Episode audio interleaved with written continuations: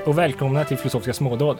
Det här är en filosofisk podcast för dig som varken är öm eller hårdsinnad, rationalist eller empirist, idealist eller materialist, monist eller plurist, gay eller straight, alliansen eller rödgrön. Helt enkelt en podcast för dig som är lite pragmatisk. Jag heter Simon Skau och befinner mig i Göteborg. Jag heter Kristoffer Sundberg och befinner mig i Lödöse. Eh, Jag heter William Thomson och befinner mig i Stockholm. Ah, bra. Så, idag har vi, till den här gången har vi läst William James eh, bok, eller föreläsning, både och, eh, från 1907, va? Mm. som kallas Pragmatism, där han går igenom just vad pragmatism är. Det ses på något sätt som det första verket inom den filosofiska skolan, pragmatism. James är en sån här intressant person. ehm, som, jag ska inte prata om James, men hur James används idag väldigt snabbt. För att ehm, som Searle, som vi läste förra gången, när man läser texter inom psykologi eller neurovetenskap, som, då brukar de vilja citera en filosof i början. Och då är det antingen grekerna, James eller Searle. Grekerna James eller Searle. Ja. Grekerna James och Searle, ja precis. Det brukar vara en av dem som de brukar citera bara för att ha en liten så här filosofisk ehm, poäng som de vill göra. Men eh, sa vi någonting om när han levde och vart han levde? Så att, Nej, jag bara sa han, han finns idag. Han används idag. Han används idag, precis. ja, men han var ju amerikan, eh, en av de, eh, ja, en av de första stora amerikanska filosoferna. I alla fall om man tittar på så här, historien så som man brukar få den serverad, så är han en- av de tidigaste som liksom var amerikan och blev känd. eh. Det kanske är därför han är så stor idag. Mm. På amerikansk kulturimperialism. Ja. Han levde ju sista hälften av 1800-talet och dog 1910. Tror jag. Ja. Och, så vi läser ju från 1907, så det är precis då i slutet av hans karriär. Mm. Men Jag läste faktiskt att den här texten som vi läser brukar anses som den mest influensrika filosofiska texten i Amerika. Alltså från, från en amerikansk filosof. James i allmänt då äh, håller på med lite psykologi eller, så här, psykologi eller filosof eller philosophy of psychology. Vad heter det på svenska? Filosofisk psykologi. Ja, vetenskapsteori. Jag tror han började som läkare till och med. Ja, Ja, och, och, och så var han väldigt, väldigt eh, intresserad på just eh, religion också och religi- religiösa upplevelser. ja, han ses väl som någonstans grundfiguren både för psykologi, eh, att, att, att, att se det som ett eh, vetenskapligt ämne eh, och eh, pragmatism inom filosofi, men han ses väl också som grundaren till religionspsykologi i mångt och mycket. Visst var det väl så att eh, psykologi som ämne, alltså det var ju en del av filosofin förut och sen kanske, kan det ha varit sent 1800-tal så började det bryta sig loss och bli ett eget ämne. Mm. Ja, precis. Så när man läser så här texter därifrån den perioden, sent 1800-tal, så det går liksom inte att titta på vad böcker heter, för vissa böcker som kallas psykologi är snarare filosofi och några böcker som kallas filosofi är snarare psykologi. Ja, Men han, han var också en extremt känd person i, i sin tid. Mycket på grund av eh, hans eh, forskning inom psykologi och, och filosofi. Men han han var också en, som viss, vissa människor, typ som eh, John Stuart Mill, som vi antagligen kommer läsa någon gång, som, eh, och eh, Russell, som föds till att bara känna, känna väldigt kända människor. Han, hans gudfar var Emerson till exempel och han hade massa andra personer runt omkring sig som är stora intellektuella och kulturella namn i både Europa och eh, Amerika på den tiden. Jo, det känns som att han föddes in i någon sorts intellektuell elit. Ja, hans brorsar var någon stor författare. Eh, Jag blev väldigt förvånad över att eh, hans pappa, jag läste, jag läste på lite bakgrundsfakta, var en sån här Swedenberg-anhängare. Ja, Mhm. Swedenberg var ju någon sorts eh, svensk, eh, ja, vad ska vi säga, teolog eller sekt... eh, ja, man kanske inte ska säga sektledare. Nej, för han ledde ju aldrig någon sekt förresten. Så att det, men det blev väl en sekt? det blev en sekt efteråt, eller kanske kontroversiellt att säga sekt. Det blev en eh, religiös, smal. Men eh, den här Swedenberg var ju en man ska här... gå andra hållet om man ska säga. Man, ska, man kan inte börja kalla något för sekt och sen säga att det var en religiös Nej, tradition. Eh, han, jag, jag förknippar honom med det här, han var så här mirakelgörare som kunde se in i framtiden eller vad det nu var och sådana här saker som känns för mig lite oseriöst. Men jag blev ännu mer förvånad när jag läste på mer om James. Han var ju tydligen med och var inte av de tidiga eller startade upp någon sorts amerikansk så här, forskningsinstitut för så här parapsykisk eh, forskning, Mhm. tankeläsning och eh, så här, medier och sådär. Det är coolt. Ja, Jag blev lite förvånad om man läser, James slår mig som en så här ganska naturvetenskapligt influerad gubbe eh, stundtals. Ja, men det säger rätt mycket om den tiden att alltså, de trodde att de kunde nå sådana eh, fenomen med den vet vetenskapliga metoden. Mm. Men också, det var ändå en rätt schysst överblick av James tycker jag. Han är ändå extremt stor. Han, är, han anses inom eh, filosofi idag, framförallt på 1900-talet, så fanns en väldigt stor eh, filosofisk rörelse som heter fenomenologi.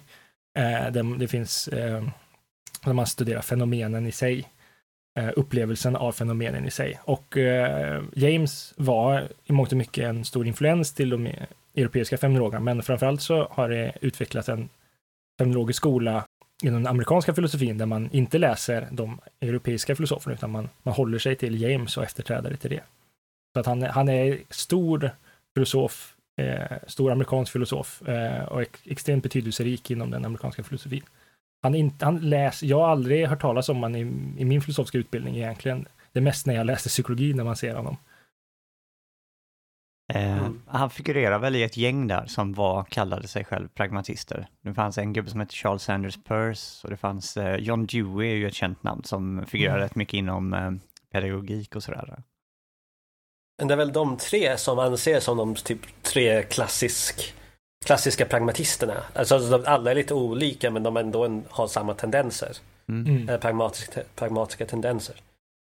Men det skulle vara ett helt ämne i sig säga hur de skiljer, på, skiljer sig. Mm. För de är ganska lika ibland, men ganska olika ibland. Ja, precis. Den här boken är från början ett gäng föreläsningar, eller det är en föreläsningsserie han har. Eh, med åtta föreläsningar. Och eh, den är, eh, han upprepar väldigt mycket och den är till för icke-filosofer. Eh, alltså det, även om den är rik, riktad till filosofer också, men den är inte... Eh, publiken är allmänt intellektuella, skulle jag säga. Ja, målet med föreläsningsserien är att introducera och berättiga pragmatism, så där, tycker jag i alla fall. Så där, och han gör det på, som du sa, till för in, icke-intellektuella. Nej, inte, inte icke-intellektuella, icke-filosofer. uh, ja, ursäkta. Mm. Uh, icke-filosofer eller icke-experter eh, inom vad pragmatismen är. För att det låter i alla fall att jag är inte helt säker inom så här, idéhistoria om det här stämmer. Men pragmatism var, eh, om man, om man tror på James, och det var inte bara retorik, att den var på väg uppåt inom den, eh, i, i, i någon slags mode inom filosofin, men det var inte där än. Det hade så här, väldigt många som, var, som kritiserade den. Mm. Eftersom den, ja, på grund av vad den säger som vi kommer till snart. Men, um, alltså vad, mm. vad som var grejen var väl att eh, Charles Sanders Peirce som vi hade nämnt förut, han hade skrivit något verk eh, 1870-talet någon gång eh, och ingen hade läst det. Eh, han var dessutom en, um, en outcast inom akademin i Amerika för han hade gift sig med en, en zigenare tror jag. Och det tyckte de inte om i Amerika. Eh, men i alla fall så eh, någon gång på 1890-talet så gjorde ehm, James en föreläsning där han försvarade några idéer ur det verket och det var då pragmatism myntades för första gången. Och sen tio år senare så hade det diskuterats väldigt mycket så att då ville han göra de här föreläsningarna för att säga en gång för alla vad pragmatism var. Om jag fattar det rätt. Precis, eh. jo det känns som att de har fått mycket kritik, eller om man ser James, han tar upp flera gånger så kritik som han tycker är väldigt, väldigt missvisande och hans mål här är på något sätt att visa det här är vad vi egentligen menar så att han inte ska få massa så, kass kritik. Precis. Alltså, det som ska sägas här tycker jag är att, eh, som vi sa, James är ju en Alltså en extremt intressant bakgrund. Han var konstnär först, som blev läkare, som blev psykolog, som blev filosof. Och eh, han har något citat någon gång där han säger att den första filosofiföreläsning han hörde var den första han höll. Eh, och det är på något sätt, eh, det känns när man hör det här för att det är väldigt, eh, det är uppfriskande på många sätt för att han, han kommer, eh, pragmatism är på mångt, mångt och mycket ett, eh, ett nytt sätt, han, han försöker komma in med ett nytt sätt att komma ifrån uppdelningar inom filosofin. Han, han tycker inte om rationalism eller empirism så han vill komma med ett tredje alternativ. Han tycker inte om absolutism eller relativism, han vill komma med ett nytt alternativ. Eh, och jag tror det är mycket möjligt att kunna göra så på grund av att han inte var filosofiskt skolad från början. Eh, och, men det gör också att han förenklar väldigt mycket filosofi känns som. Och det är båda delarna, både det uppfriskande och det förenklande, lyser Mm. igenom tycker jag i den här texten. Jag tycker man ser samma sak som eh, när vi tittade på, eh, vem tittade vi på? Eh, jag tänker ju på eh, Descartes, ja just det, Descartes. Eh, när man tittar på, okej vi träffar en forskare som tittar på filosofin och blir eh, förskräckt över hur eh, relativt dåligt det går, varför det håller på att bråka om saker som eh, de inte tycks hitta något svar på. Där liksom bägge sidor av debatten kan komma en massa argument, men det går liksom inte att avgöra vem som har rätt och de här samma frågor ältas om och om, om igen med nya infallsvinklar. Det kommer ingenstans. Eh, jag får samma eh, liksom, intryck här och likaså, vi har inte officiellt läst eh, den här filosofen Immanuel Kant ännu, som var en tysk på sent 1700-tal, men där är samma tendens att eh, en filosof tittar på filosofins utveckling och blir liksom förskräckt över att det inte händer någonting, det blir inga framsteg och man känner att nej, nu får vi ta och städa upp lite grann. Det måste finnas något, eh, en tredje väg eller en lösning mellan de här hopplösa konflikterna. Och det känns som att eh, James, han tycks också se två, två eh, urtyper av filosofer. Ska man, man skulle kanske kunna kalla det arketyper eller idealtyper så här, att det, jag har för mig att han säger det här att eh, visst, jag målar upp två kontrastpar, två teorier och eh, i verkligheten så är det väl mycket mer komplicerat, att folk är inte renodlat bara på den sidan eller bara på den sidan, men det finns ändå sådana här tendenser att det finns ungefär filosofer av den här typen och det finns Är det, är de ungefär... här öm och hårdsinnade? han- Precis, han så att han om? liksom, vi har använt massa ord sådär. Vi, vi pratar Barclay-avsnittet pratar vi om idealism kontra materialism. Eh, det finns sådana som tror på en eh, absolut kunskap, att det finns eh, en realism och det finns relativister. Det finns eh, folk som är mer naturvetenskapligt intresserade och andra som kanske är mer, vill ge religiösa förklaringar. Eh, det finns sådana, vi pratade om eh, empirister och rationalister tror jag väldigt mycket i Barclay-avsnittet också. Alltså Mm. sådana som vill nå kunskap genom att eh, olika former av sinneserfarenhet och sådana som vill nå kunskap genom mer tron på förnuftet, att vi måste tänka efter och klara och tydliga idéer, ungefär som Descartes. Och eh, vad det James gör är att han buntar ihop alla de här positionerna och liksom ser att okej, men om du är empirist så är du antagligen också mer benägen att eh, inte tro på Gud och du eh, vill titta på fakta så här. Och här har vi återigen ett exempel på att om vi tittar på verkliga filosofihistorien så stämmer ju inte detta. Barclay som vi tittar på var ju i allra högsta grad religiös, men han var ändå jättehård empirist. Så, men han tycks ändå se en uppdelning här mellan, vad är det han kallar det på engelska, heter det tough-minded och tender-minded. Ja, precis. Jag gjorde min översättning till öm och hård. Um och hård. Ja. Eh, Ömsint, skulle jag tender-minded. Ja, ömsint och tough-minded, ja. Vad säger man på svenska? Typ så här styvnackad eller hårdnackad? Styvnackad. Ja, Hårdnackad? Ja, jag vet ja inte. hår, hårdnackad skulle jag säga var bra. Om vi kör så, eh, ömsint och hårdnackad filosof. Okej, vad är det som då karaktäriserar de där två? Vad är en, eh, vad är en hårdnackad filosof? Ja, alltså det... Alltså, den utgår, han, han pratar mycket om det, att, att eh, grundskillnaden kan man se från om man ser världen som, som eh, monistisk eller pluralistisk, om man ser världen som ett eller om man ser världen som flera. Och den följer den här uppdelningen. Jag ska hitta, jag, hade, jag hittade någonstans som var en väldigt bra uppdelning. Eh, fåglarna var det nu då? Eh, Men Vi kanske hårdnackad är väl mer den här empiriska, den är så här, som inte tror på Gud, som inte tror på så här högre principer direkt, som inte tror på att universum är ett, utan att det är flera fakta. Och ja, här är- har jag det förresten. Ja. Ja. Nej, men, Eh, Jag tänker på, det här hårdnackade skulle vara typ Hume skulle vara det perfekta exemplet. Men nu har jag namedroppat någonting. Men jag tycker Ja, nej, men det det. gör ingenting om man namedroppar, om man förklarar. Eller? Nej, men jag tror faktiskt för att alltså, det, är, det är väl, vi har namedroppat det förut så det är ingen fara. Men eh, vet du, det som man, som är skillnaden kan man dela upp det i, alltså i, i, i två läger som du sa, att de här tender-minded eller ömsinta då, de är mer som sagt rationalistiska, de är intellektualistiska, de försöker abstrahera, de försöker, de försöker komma till att den, den riktiga sanningen är den abstrakta sanningen. De, pratar, de är också religiösa, idealistiska, väldigt optimistiska. Att det vackra, det, det, det, det sanna, det viktiga, det goda, det finns bortom denna värld. Eh, de är väldigt religiösa, de tror mycket på att det finns bara en sak. det finns Gud, det finns sanningen, det finns lagen eller det finns... Eh, och i det blir de väldigt dogmatiska också. Och, och till skillnad från de här så har vi de hårdnackade då, som, eller som har det hårdnackade temperamentet. De, de är mer åt, åt linjen att de är mer, vad ska man säga, vetenskapliga i det är rent, alltså de förlitar sig bara på sina sinnesupplevelser, likt då det William vill säga med Hume här. Att eh, vi har, eller att vi har bara våra sinnesupplevelser, vilket blir att de är mer materialistiska, de är mer pessimistiska, de är sällan lika religiösa. De tror inte att eh, det finns en, eh, en speciell godhet, en speciell lag, en speciell sanning som styr och det finns ingenting bortom denna värld. Eh, oftast. Så för att, att ge ett exempel med de här två lägena då av så här, filosofin som kan uppstå inom de här två lägena.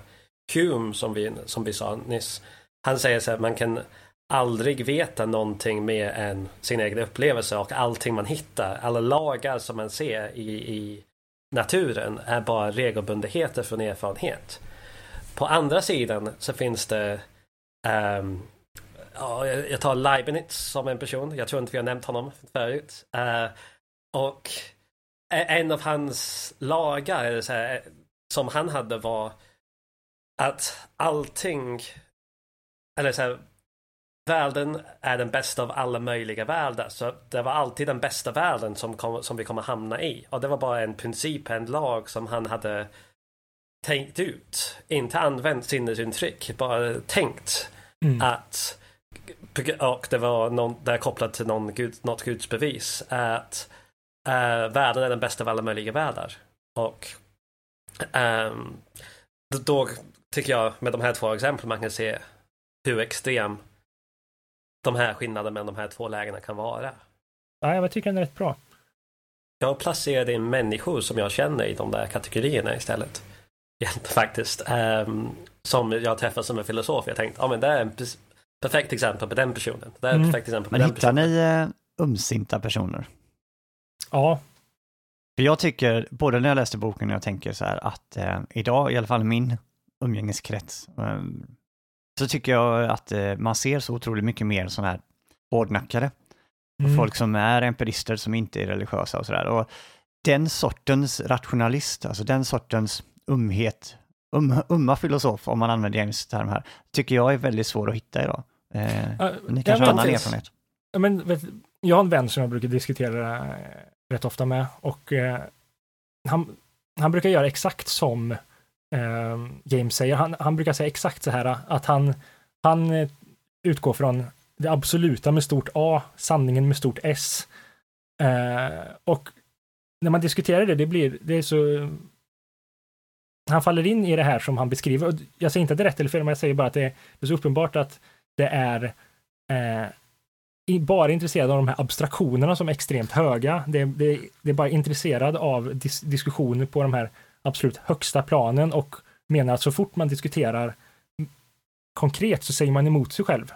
Eh, och det, jag, jag tror dessutom att jag personligen har varit väldigt eh, ömsint. Jag kommer från en ömsint, alltså jag kan till exempel säga, eh, jag var väldigt fast inom eh, taoistisk filosofi för en väldigt massa år sedan. Jag skrev min eh, kandidatuppsats om taoism bland annat och då där pratar man just om eh, ta, eh, Dao, då, eller Tao, som är eh, det absoluta, det, det, det enkla och ska man kontemplera det här och jag, jag var väl i en fas i livet jag tyckte att det här var extremt givande just kontemplera helheten, det ena och se hur naturen var ett eh, jag kan säga att jag dragits mer mot den hårdnackade delen, men jag skulle nog säga att jag från början utgick från en ömsint. Alltså att ja, men det finns en sanning, det finns rättvisa, det finns godhet, det finns moraliska saker som är rätt och fel och liknande.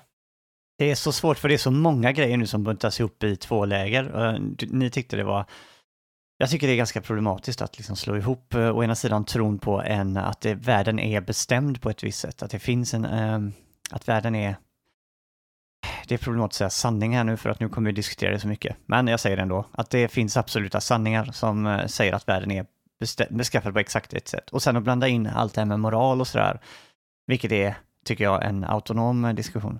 Eh, William skulle säga vad, vad menar du med en autonom diskussion? Jag tror att man kan vara realist när det gäller fakta, alltså att man tror att det finns fakta i världen. Jag tror att det är absolut sant att det exakt just nu finns ett eh, jämnt antal uh, kolaflaskor i jorden, på jorden. Eh, att det där kan vara absolut sant, medan samtidigt att det kanske inte finns någon objektiv moral, eller att det gör det. Alltså jag tror de två, man kan kombinera, man behöver inte tro att det finns en objektiv moral bara för att man tror att det finns objektiva fakta. Nej, men skillnaden här är att, att en, eh, en empirist skulle ju också utgå från att det finns fakta, alltså rena upp, alltså det finns empiriska möjligheter att, att verifiera att hur många kolaflaskor det finns i världen. Eh, men eh, den ömsinta tendensen när man är mer intellektualistisk är mer, man pratar om abstrakta delar, det oftast utgår från matematik som ett ideal. Att, ja, men, eh, ett plus ett är två, det har alltid varit två, det kommer alltid vara två. Det är de sanningarna vi ska utgå från. För att hur många kolaflaskor det finns kommer variera från sekund till sekund, även om för varje sekund så finns det olika. Min erfarenhet är helt annan än din Jag känner att alla runt omkring mig är antingen helt så här jätterättrogna, som vi kallar det, hårdnackade här. Eller så finns det folk som är hårdnackade men med inslag av det här ömsinta. Att det liksom är, om vi säger att hårdnackade är till höger och uh, ömsinta är till vänster, så är det inte så att folk runt omkring mig är antingen höger eller vänster, utan de är antingen extrem långt bort till höger eller en liten bit inåt vänster från högersidan. Alltså inte politiskt menar jag nu, utan nu pratar jag, det var bara en metafor. Mm. Ja, men jag, jag, tror jag förstår dig Kristoffer, men jag tror du kanske, jag tror det är mer än vad du tror. För att um, det beror på vad som anses, alltså, för det finns olika tendenser som kan uh, anses vara en del av det här paketet av, ömsi, av ömsinne just nu. Men jag uh, tror till exempel alla som, alltså alla har hört någon som säger, ja men jag har tänkt lite på någonting. Och då har man nästan så här gått ifrån någon slags rationalistiskt perspektiv där man kommer från, försöker bara komma fram till en slutsats. Och då har man inte använt empiri alls. Eller kanske jag använt det men man försöker inte utgå ifrån det. Man försöker komma med någon slags rationalistisk ståndpunkt. Och det är väldigt, jag, jag tror det är väldigt vanligt att man är så.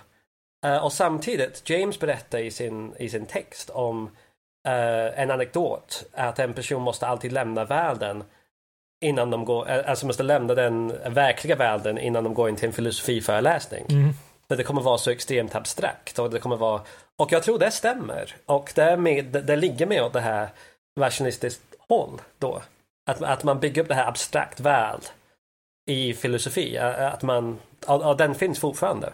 Jag känner, men det är bra om det är som ni säger, för jag känner lite grann så här att dels säger han att han ska hamna mitt emellan de här två alternativen. Och det får, vi kan diskutera det mer sen, men jag tycker att i praktiken gör han inte det, utan han själv hamnar jättemycket på den hårdnackade sidan och bara attackerar de här rationalisterna stenhårt hela tiden. Och just att jag känner att den sortens rationalist som han attackerar, alltså den här, är någonting som jag enligt min upplevelse inte finns idag direkt. Eh, när det finns Hegel, en tysk filosof, och det finns några britter som heter Bradley och vad de nu heter, McTaggart.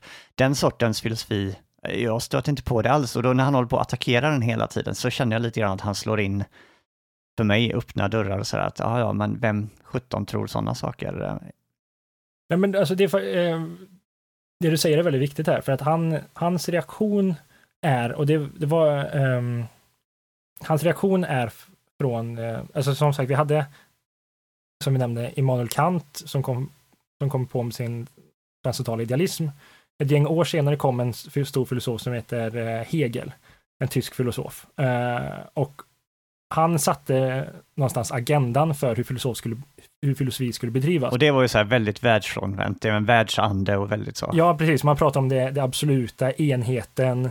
Eh, väldigt högtravande och, och Exakt, alltså att den religiösa delen av diskussioner var, har ju alltid varit högtravande man pratar om Gud, det är det enda, det absoluta sanningen. Och sen så har man på filosofins del så har man också bara diskuterat, då pratar man bara om världsande och liknande. Och det här gjorde James en, han försökte komma ifrån det här, men, men samtidigt under, under samma tid så kom ju samma när analytisk filosofi eh, frånskilde sig från den här eh, eh, tyska ide idealismen som ja. fanns.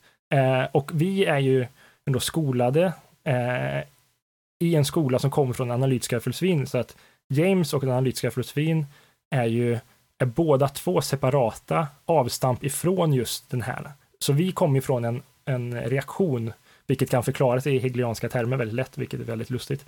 Eh, men med antites, syntes och syntes. Men ehm, Jäklar vad insnöad och torr man måste vara för att tycka att det är lustigt. ja, men, ja okej, förlåt. Ja, Fast jag tycker att det är lustigt, men jag tänker hur många i universum tycker att det är lustigt?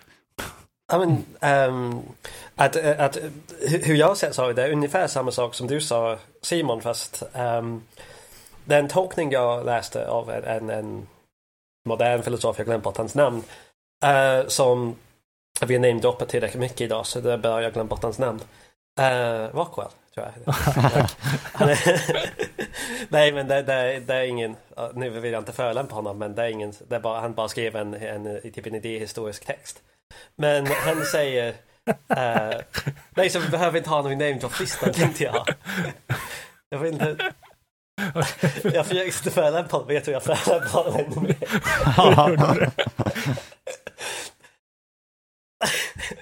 Jag försökte säga han är, behöver inte vara med på listan med Kant och Hegel och dem. Men uh, han i alla fall försökte argumentera och jag tyckte det var väldigt bra. Att um, hans Eh, att alla modern, eh, eh, efter Kant som vi har pratat om, pragmatism, marxism, kontinental filosofi och analytisk filosofi är reaktioner till Kant på olika sätt. Så alla försöker bemöta de problem som Kant hade, så man kan se att pragmatismen just nu har, håller på att växa fram och försöker berättiga sig själv i jämförelse med någon slags hegeliansk marxistisk um, Eh, filosofi samtidigt som den försöker Analytisk filosofi har inte riktigt växt fram på samma sätt än men den finns fortfarande där. Och sen finns det kontinental filosofi och de här är, är flera olika tendenser, eh, alltså typ osäkra uh, filosofer som har inte berättigat sin plats inom filosofisk historien. Att det är det som James försöker göra just nu och då försöker han hitta sin plats, skulle jag kunna säga i en motreaktion till det Kant gjorde som var väldigt stor.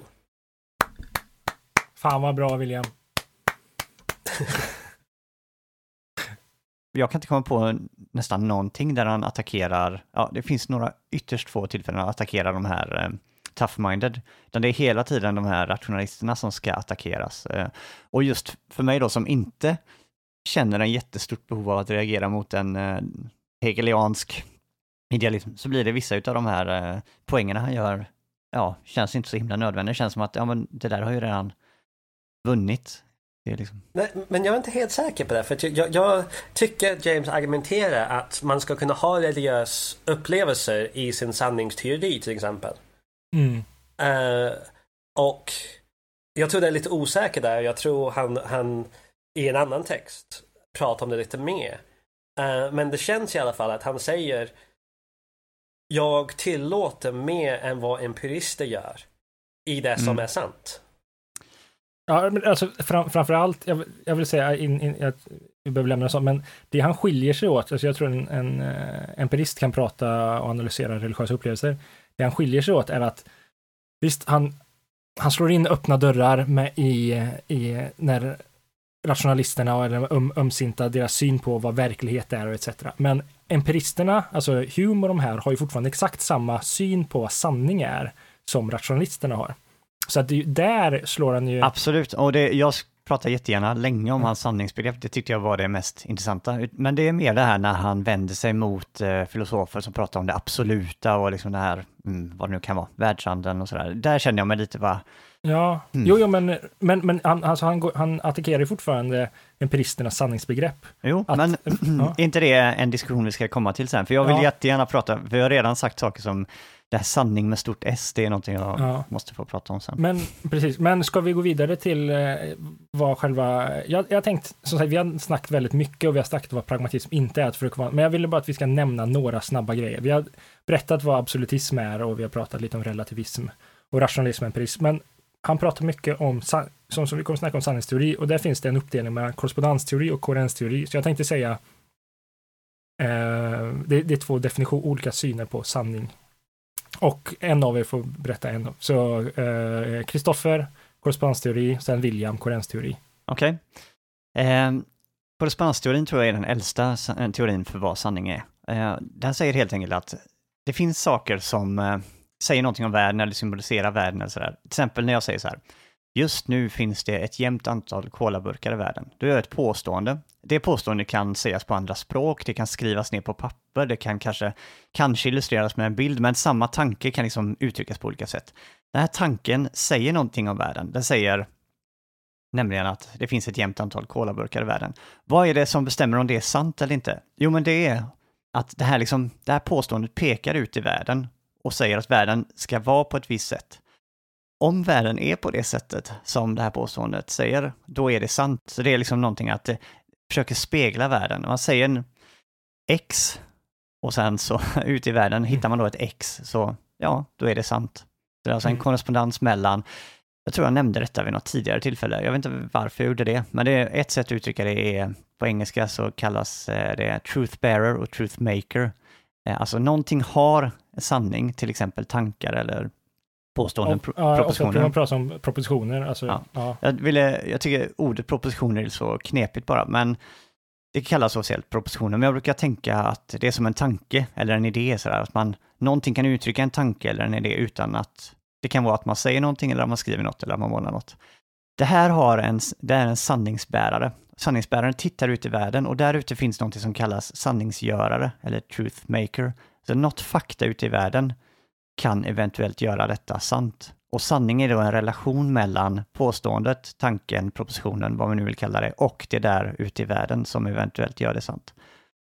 Vi pratade någon gång om intentionala akter, bara för att göra det ännu mer komplicerat. Men vissa så här mentala tillstånd har en sån här riktadhet, att den riktas ut i världen.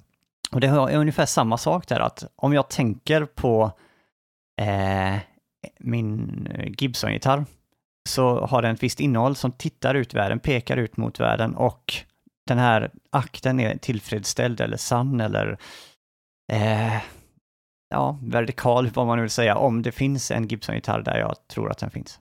William? Har du något Oj, om Korens teoris eh, grepp om sanning? Ja, men jag har inte en lika lång det är bra. som- som Kristoffer hade. Jag skulle nog kunna sammanfatta, eh, alltså jag vill bara sammanfatta i två meningar ungefär så jag vet inte. Ah, Okej, men koherens i alla fall. När man, när man ska prata om ehm, när någonting är berättigat, äh, när, när någon, någon sorts trosföreställning är berättigande, då, då handlar det om att den ska eh, vara koherent eller inte ha någon sorts um, motsats i någon annan trosföreställning som anses vara sant. Så det handlar om eh, att man ska ha mängder av trosföreställningar som stödjer varandra men, eller inte säger emot varandra. Eh, och jag tycker det räcker för, definition, Ja. för en snabb definition, men uh, skulle ni lägga till någonting? Ja, ibland pratar man ju om att eh, matematik och logik är så här tacksamma exempel att ta. Att det som gör ett mattetal sant är inte liksom att man tittar ut i världen och hittar just sanningen i mattetalet precis just där, utan det är snarare att det säger inte emot de andra redan etablerade reglerna och annan kunskap som vi har inom matematik. Det liksom passar in i ett system.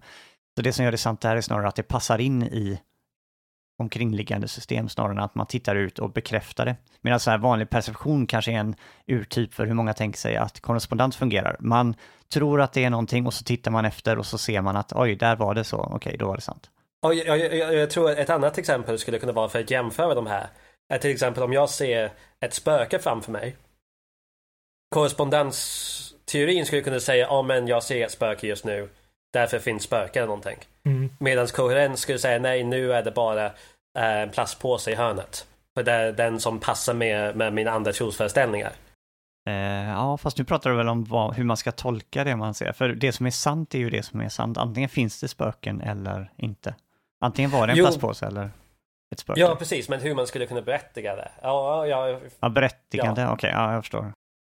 Jag är helt, eh, helt, eh, alltså korrespondensteorin för sanning ligger bakom allt i princip jag tror mig veta om världen. Så jag har väldigt svårt att se något alternativ till det, vilket gör att jag kanske kommer ta rollen som grinig gammal gubbe när vi diskuterar sanningsteori för James. James eh, försöker ju jag läst på eh, Stanford Encyclopedia. Eh, där tror jag det beskrevs som att James, han, hans sanningsteori kombinerar både korrespondensteori och koherensteori. Eh, och det låter ju fint, men jag tycker mig när jag läser James faktiskt att ibland låter det som att han säger att han vill göra en sån här kompromiss och att det är någonting annat, men eh, vissa saker tycker jag att det låter som att det trots allt blir en form av korrespondensteori. Vi får se vad ni tycker när vi Ja, jag går skulle in på säga att det blir en detaljerna. koherensteori faktiskt. Ja, okej. Jag Ja. tycker det är en blandning. Vad bra, då har vi alla ståndpunkter representerade. Eh, två saker. Vi, dels, eh, vi känns som att vi är på väg in i James sanningsdiskussion nu. Mm, jag vill försöka prata om metod först. Ja, precis, bra. Ja, nej, det var inte, jag tänkte inte säga mer än så. Jag vill att ni ska prata om det. Ja, okej. Mhm. Eh, för jag, tänkte, jag var bara rädd att vi, för när vi väl har gett oss in i sanningsdiskussionen så kommer vi nog inte komma därifrån på eh, flera, flera timmar. Men, eh, men eh, så att vi, vi inte hoppar över det här med metoden i början. Eh, alltså vad är syftet med James här då är väl egentligen att han tycks observera en mängd så här filosofiska debatter och han ser eh, metoden, den, den pragmatiska metoden som ett sätt att lösa de här eviga frågorna, lösa de här debatterna. Eh, jag har noterat här ibland att eh, ibland tycks det betyda lösa, men ibland tycks det lika gärna betyda, ja vad ska vi säga, upplösa, alltså visa att diskussionerna är nonsens och meningslösa. Alltså, alltså det är väl någonstans bara för, alltså, han menar att om man är ömsint eller, alltså om man är rationalist eller empirist, då utgår man från vissa dogmer. Eh, medans eh, pragmatism då har som enda dogm att man ska att ha metoden primärt. Man ska inte ha no- man ska inte utgå från, no- alltså metoden är det som bestämmer. Och metoden beskriver vi snart, men så att vi ska inte utgå att världen finns, vi ska inte utgå från att det finns sanning, bla bla bla, utan vi ska utgå från metoden. Det är det som är, och sen så eh, utifrån den här metoden, när vi applicerar den på olika filosofiska problem, så kommer den i vissa fall upplösa vissa frågor, kommer visa att det här är ingen, det är en icke-fråga, det är inte intressant att diskutera. Och Mm. ibland så kommer det ge oss nya insikter i den. Det verk, jag tycker man hittar två, ja, jag skulle vilja köra. ja, jag tyckte det var lite så här, um, att han i början av boken försöker säga om en metoden var viktigast och sen fick vi en sanningsteori på köpet nästan. Mm. Att det blev det här är pragmatisk metod framförallt. Men sen det leder till konsekvenser som en sanningsteori. Mm. Tyckte jag var det hur det lät i alla fall. Ja, san sanningsteori är ju ad hoc på metoden skulle jag säga. Ja.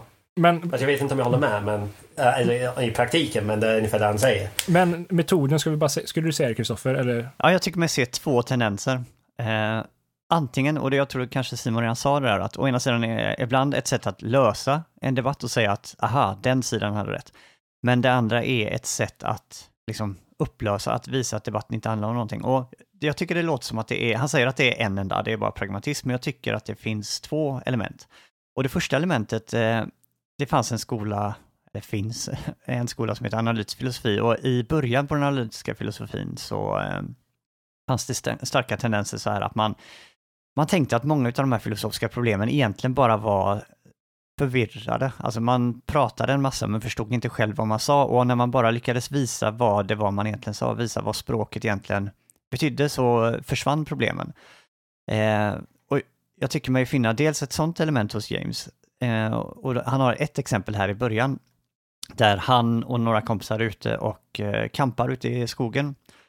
Och eh, jag vet inte, han går iväg på något ärende. När han kommer tillbaka så är alla hans kompisar igång med en sån här jättelivlig debatt. En sån här metafysisk eh, filosofisk debatt. De verkar ha väldigt så här spännande eh, uteturer. Men det de debatterar är, de ser ett scenario där det är ett träd i mitten. Och på trädet så är det en ekorre.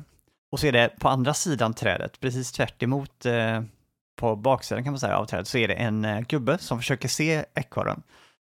Och gubben springer runt trädet för att kunna få syn på ekorren, men ekorren rör sig hela tiden liksom med gubben så att han hela tiden håller trädet mellan sig själv och gubben. Så gubben lyckas aldrig få syn på ekorren. Och den stora djupsinta filosofiska metafysiska frågan de eh, frågar sig då är, går mannen runt ekorren eller inte? Och eh, det jobbar här då att vissa har intuition och säger att nej, det gör han ju inte, för att eh, ekorren håller ju sig hela tiden Eh, på andra sidan, medan andra säger att ja men det är klart han går runt ekorren. Och James sätt att lösa det här är bara, ja men ni pratar ju om olika saker, ni använder ordet gå runt på två olika sätt. Å ena sidan är det att ni rör er norr, väst, öst och syd om ekorren och då i så fall gör han det. Men att gå runt baksida, framsida, sidan utav ekorren, om det är det det betyder så gör han inte det. Och när man väl har insett detta så inser man att hela diskussionen är bara nonsens och det finns ingen, de bråkar inte om någonting egentligen.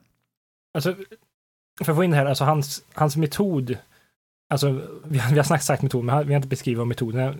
Eh, alltså, hans metod är att för varje idé se om, om man gör en distinktion eller en beskrivning, om det finns en praktisk konsekvens i den här idén. Och det han gör i det här tillfället är att ta, okej, okay, det finns två grupper de pratar och går runt på olika sätt. Då verkar han säga, okej, okay, eh, den praktiska konsekvensen av vad du menar med gå runt är att du rör dig eh, öst, väst, syd, nord, det gör den inte, eh, om ekorren. Om det är det som innebär med att gå runt, alltså den praktiska konsekvensen, ja, då verkar den gå runt. Medan om man har den praktiska konsekvensen, alltså själva ut, utkristalliseringen av definitionen av gå runt är att du går från framsida, eh, från mage till rygg på ekorren. Då, om det är det man menar, då går man inte runt. Eh, du håller inte med om att, de, att det är en, en, applikation av den metoden? Du menar att det är olika, Kristoffer? Ja, jag tycker att det, att det är olika. Eh, jag tycker inte det gör så stor praktisk skillnad, eh, de där två alternativen, utan eh, det finns två tendenser tycker jag. Att, ibland så är, inser man att debatten är bara begreppsförvirring och att det är bara nonsens och det är ingen konflikt, men i andra fall så inser man att, och det är det jag tyckte att James, mer den praktiska konsekvensen, att han säger att det här finns en riktig debatt, men vi vet inte vilka som har rätt. Och den här pragmatiska metoden, den går ut på att vi eh, ser vilka praktiska konsekvenser får det här och vilka praktiska konsekvenser får det här och på så sätt kan vi faktiskt avgöra vilket alternativ som är rätt. Alltså att det är två, å ena sidan är det ett negativt när man bara säger att diskussionen är nonsens och å andra fallet är det eh, ett sätt att eh, se vilka som har rätt. Ja, men så om man utgår, alltså går tillbaka till vad metoden är, så, så står det någonting, så, så säger han någon gång att man ska bara sammanfatta gamla fakta. Eh, och inse att ingen teori som man kommer från den, de här faktorna är... Det, det, det var någonstans som sa att det var ingen avspegling av verklighet. Eller ingen absolut avspegling av verklighet. Och jag tycker det är då man kan inse skillnaden i det här ekoexemplet. Att om man förstår faktorna som, som beskrevs och, och man också förstår att ingen av dessa så här, rapporter som de här två olika teorier lägger fram. Uh, så ingen av dem är absolut sanna men de är ändå fångar faktorna på olika sätt och då kan man börja jämföra dem. Ah, nu kommer vi in på sanningsdiskussionen, men grejen är, det kan mycket väl vara så här han säger, men i så fall så förstår jag honom inte, eller så alternativt så anser jag att han har fel, för att vad han visar här är ju att det finns två sätt att beskriva situationen. Mm. Bägge de här två sätten är ju absolut sanna enligt mitt sätt att se det att det finns två sätt att beskriva eh, situationen har ingenting, vad jag kan se, att göra med huruvida det finns en absolut sanning eller inte. Ett sätt att beskriva det är att det är absolut sant att han gick, rörde sig från nordväst, syd, öst om ekorren. Det är absolut sant att han inte rörde sig runt ekorren, om man runt menar framsida, sida, baksida. Ja, men, men jag pratar bara om metoden nu, alltså vad de här två människor gör. Um, och de, de, eller sen när man ska titta på det här med den pragmatiska metoden man ska, titta, man ska se vilka fakta de har fångats upp i sin rapport. Ja, men du sa, eller vänta, det var någon som sa att det var ad hoc, men jag tycker att här lät det som att sanningsteorin kom in ändå, för att eh, mm. William, du sa någonting i stil med att det finns ingen sann avspegling av verkligheten eller något sånt där, att det var en del av metoden. Men det tycker jag är en sannings... Alltså just avspegling av verkligheten är ju just korrespondensteoretisk sanning. Men man kan, nej, för, för, man kan inte, i alla fall, man kan inte påstå att det finns en absolut uh, avspegling av verklighet. För man har ingen anledning att kunna um, förutse det, alltså anta det. För annars skulle det vara dogmatiskt, det skulle vara rationalistiskt. Där han säger att han ska vara militant mot antirationalism. Eller han ska vara mot rationalism. Det står militant någonstans. Okej. Okay. Uh, uh, så, han, så, så han vill bara se konsekvenser av fakta. Och... Men okej, okay. vad är fakta? Här, det... och, och, och, då den observation skulle man kunna säga, äh, konkret verklighet som driver sin rapport av verklighet. Och då um, finns det ingen anledning, eller det finns från den konkreta världen att påstå det här absolut uh, avspegling av verkligheten. Okej, du och sa där fakta. Ingår, så, så, där, så, så där hur metoden, nej men, men vad jag, vad, för att säga vad min poäng var från början var att um, nu har jag glömt bort vad poängen var. Metoden, just det, att metoden leder fram till epistemologin. För du nästan, för, för du sa att jag nästan gjorde en sanningsteoretisk påstående där. Men jag tycker att det här visar hur det här sanningsteorin är en konsekvens av metoden. Uh, ja, för det var precis det jag reagerade på. Är det en konsekvens av metoden eller är det en premiss? Alltså någonting som måste vara sant för att metoden ska fungera? Jag tycker det är en, en konsekvens. Jag tycker det är en konsekvens, för man kan inte påstå en absolut avspegling av verklighet. Jo, nej men det är väl här som blir problemet. Han menar ju att det finns faktiskt, alltså, alltså det, här, det här är ju, det finns en, han, han verkar säga att det finns en verklighet. Och det finns ett sätt att uppleva verkligheten, eller, och upplevelsen av verkligheten är, alltså han är naivrealist i mångt och mycket, att så här, men vi ser världen som den är. Eh, däremot, så om vi använder den här metoden så får vi olika sanningar. För att vi upplever ett faktum i världen, a state of affair, eh, att de rör sig så här kring, kring trädet. Och om vi använder den här metoden här så kommer vi upp, eh, se, ja men hur vi använder begreppet kommer avgöra vad som är sant. Och om vi använder begreppet på det här viset, eh, eller nej, det avgör inte vad som, alltså det är sant beroende på vilket sätt vi använder begreppet. Eh, fan, då blir sann, nej, då kommer jag in med sanning direkt, men, men jag menar att, att, att alla upplever exakt samma sak, fast de har olika sanningar, så skulle James säga.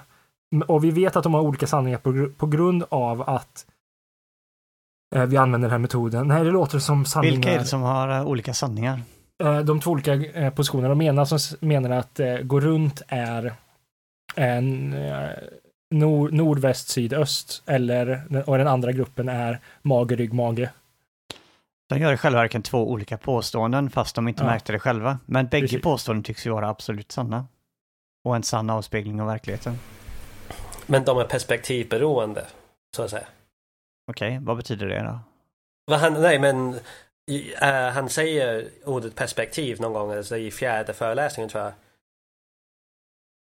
Um, men uh, så, så, jag försökte bara säga, ja men skit i det. Nej men jag tycker det här, jag försökte, det, det tar fram ja, en uh, intressant spänning hos James som jag tyckte var, det är inte det, jag, jag tror att din redogörelse är väldigt trogen James. Och det jag ifrågasätter är snarare, alltså det är James, eh, det finns eh, konstigheter där hos James tycker jag. De är svåra att hänga med på. Jag tycker att James är lite, nu kanske vi går för långt eh, förväg, men jag tycker att han, eh, Nej, han, säger att, han säger en sak, han säger att okej, okay, pragmatism är en metod för att avgöra eh, metafysiska diskussioner och så kommer det här att, ja men det som vägleder oss hela tiden vilka praktiska konsekvenser någonting får och det är det som också definierar sanning, att det är någonting användbart och sådär. Och inte bara för mig här just nu, utan ur något sorts längre perspektiv som man inte definierar vidare.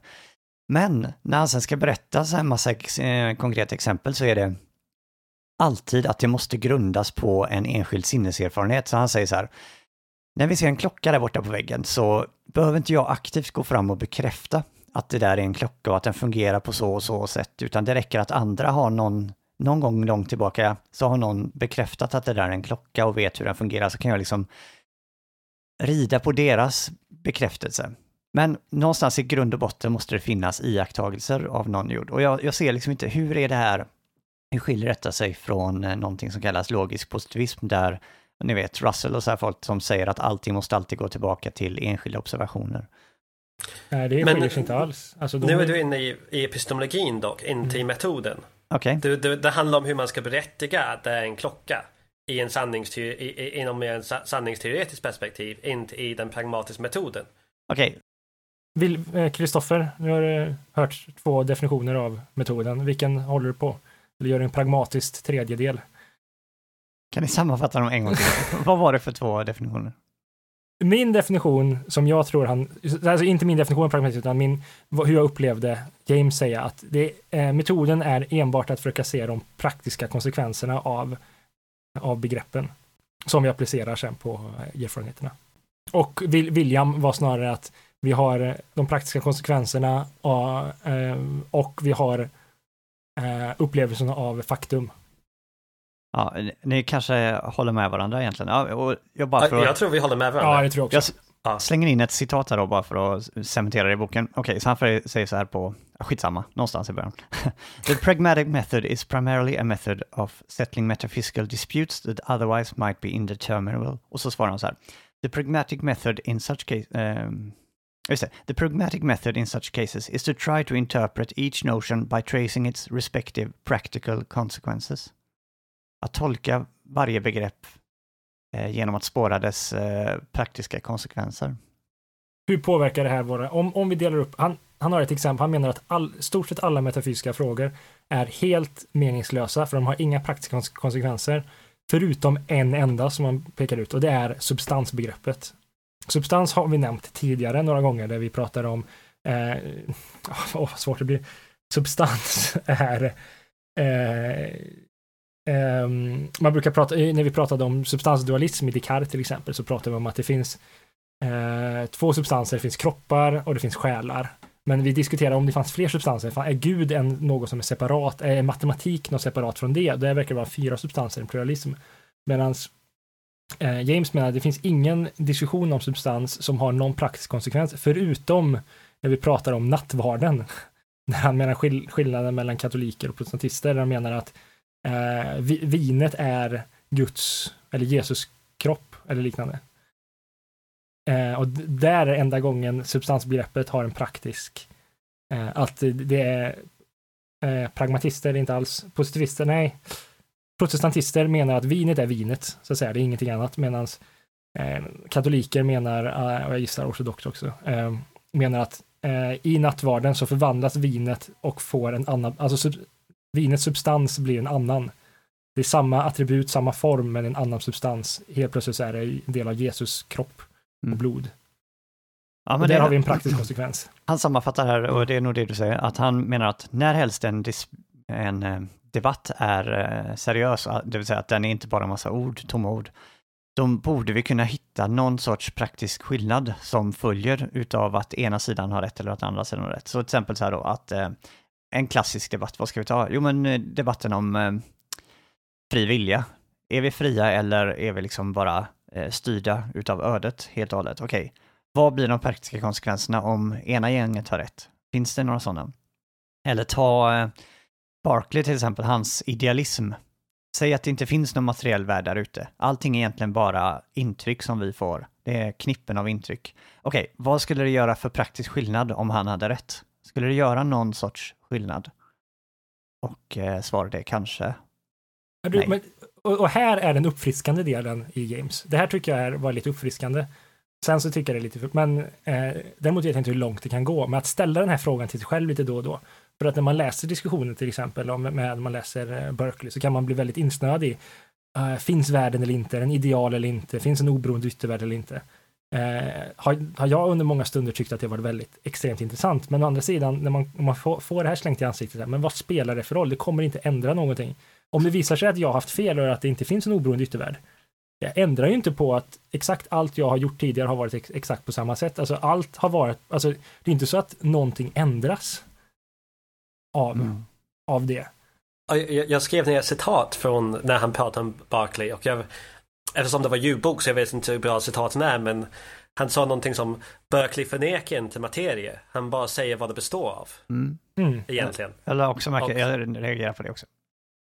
Det är de praktiska konsekvenser av Berkeleys teori ungefär. Mm. Ja. Men eh, jag funderar på, vad är det han visar egentligen? Visar han att de här debatterna är meningslösa? Eller visar han att de är onyttiga?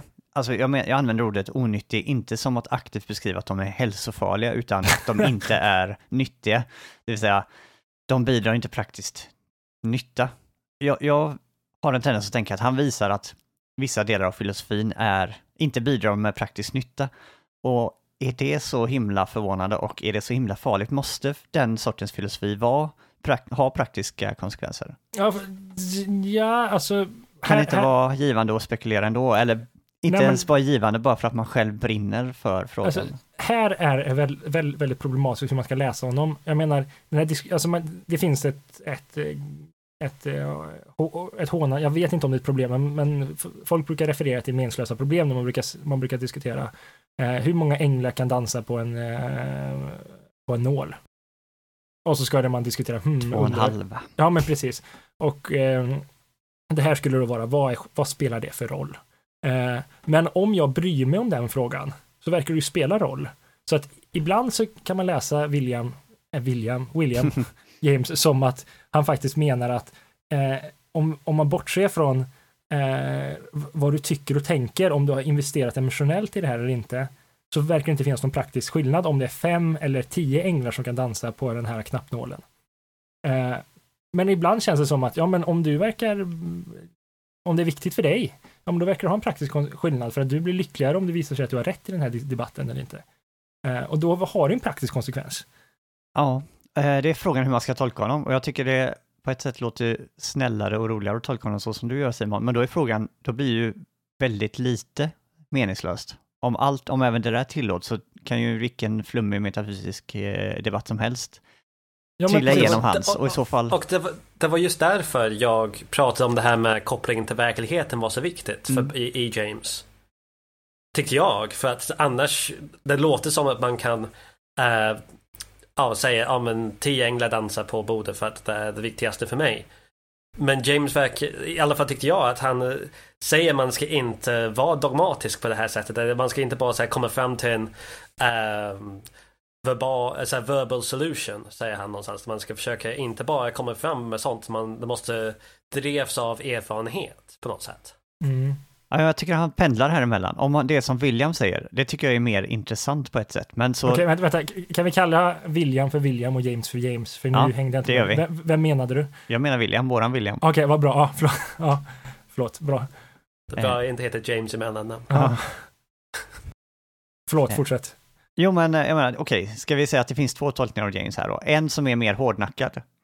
ja, en hårdnackad James som säger att Ja. det måste grundas i eh, sinneserfarenheten. Det måste göra praktisk eh, skillnad i, eh, som, ja, på något sätt knutet till vår faktiska upplevelse av världen. Det är det vil, våran William säger, va? Att Mm. det är en tolkning av James.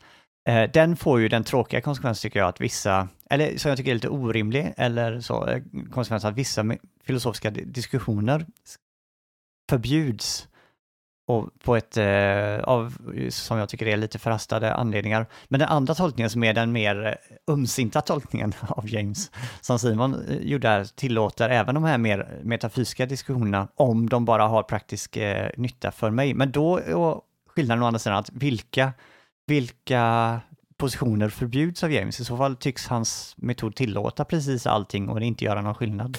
Men det här är Jag lite... tycker, det, ja, förlåt. jag tycker det finns en mer pragmatisk eh, eh, mellanväg mellan vad du sa. Det är bra. Att ehm, Ja. dessa, eh, d- till exempel um, mer metafysiska debatter, de tillåts så länge det finns en, en Ja, en- en praktisk konsekvens till exempel. Så, så, så länge man berörs av svaret. Eh, så, och, och, men samtidigt, det, känns också att för att komma fram till någonting på grund av den här koherensen vi kommer prata om så behöver den också vara en del av de trosföreställningar som man redan har. Och då, bara för att man bryr sig om hur många änglar som dansar, om den inte är eh, kopplade till resten av sin trosföreställningar, Ja, ja, då är det inte relevant. Nej, nej. Så, då- så man kanske berörs av den. Men då måste vara kopplade till andra så här, allmän religiösa upplevelser som man kanske har. Och då är det kanske tillåts med. Det var extremt bra. Ja, men, exakt, så om, om vi diskuterar hur många änglar kan dansa på den här pinnålen. Eh, om det visar sig att eh, eh, om det inte ändrar någon av mina andra upplevelser eller trosföreställningar, eh, om det är fem eller tio styckna, så är det en orelevant fråga helt enkelt. Men om det påverkar någon annan trosföreställning som jag har, till exempel att det påverkar hur, hur, eh, vad jag ska rösta Om på i Gud valet. finns eller inte. Ja, Eller precis. Om Gud finns eller inte. Ja, om det är så här, om en, jag tror att det bara finns fem stycken och så visar det sig, nej men det är kanske är tio. Om det ändrar min syn på om Gud finns eller inte, ja men då har det en praktisk konsekvens. Så därför så verkar det vara, då verkar det vara sant för mig i den pragmatiska synen att det finns fem änglar på en pinnor. Jag tycker det där är en attityd man möter mycket från folk som inte har läst filosofi när man berättar vad man gör och så här. Och så bara saker som, ja men liv efter döden, ja men varför ska vi prata om det? Det är en helt meningslös fråga, vi kommer aldrig få reda på svaret, det är helt meningslöst slöseri med tid. Men å andra sidan, det gör ju i allra högsta grad eh, praktisk skillnad för oss om vi överlever döden eller inte. Det är en potentiellt mm. livsfarlig fråga. Men tycker ni att, att, vad jag sa nu var någon slags mellanväg ja, jag ty jag från det Kristoffer sa? Mm. Problemet är, jag, för mig tycker jag, om han säger det där mer hårdnackare, att det måste grundas i konkret erfarenhet, då tycker jag han säger någonting eh, provocerande och intressant. Däremot tror jag att eh, håller jag inte med honom, men då tycker jag det är intressant. Men om man säger mer det här, ja, det beror på lite vad man själv berörs av och så här, det här eh, lite mer snälla tillåtande, då tycker jag inte det är så intressant det han säger, men då kanske det, ja, men jag tycker alltså det här konkreta upplevelsen. Alltså det känns att James är väldigt um, avslappnad med vad som tillåts mm. i konkret upplevelse.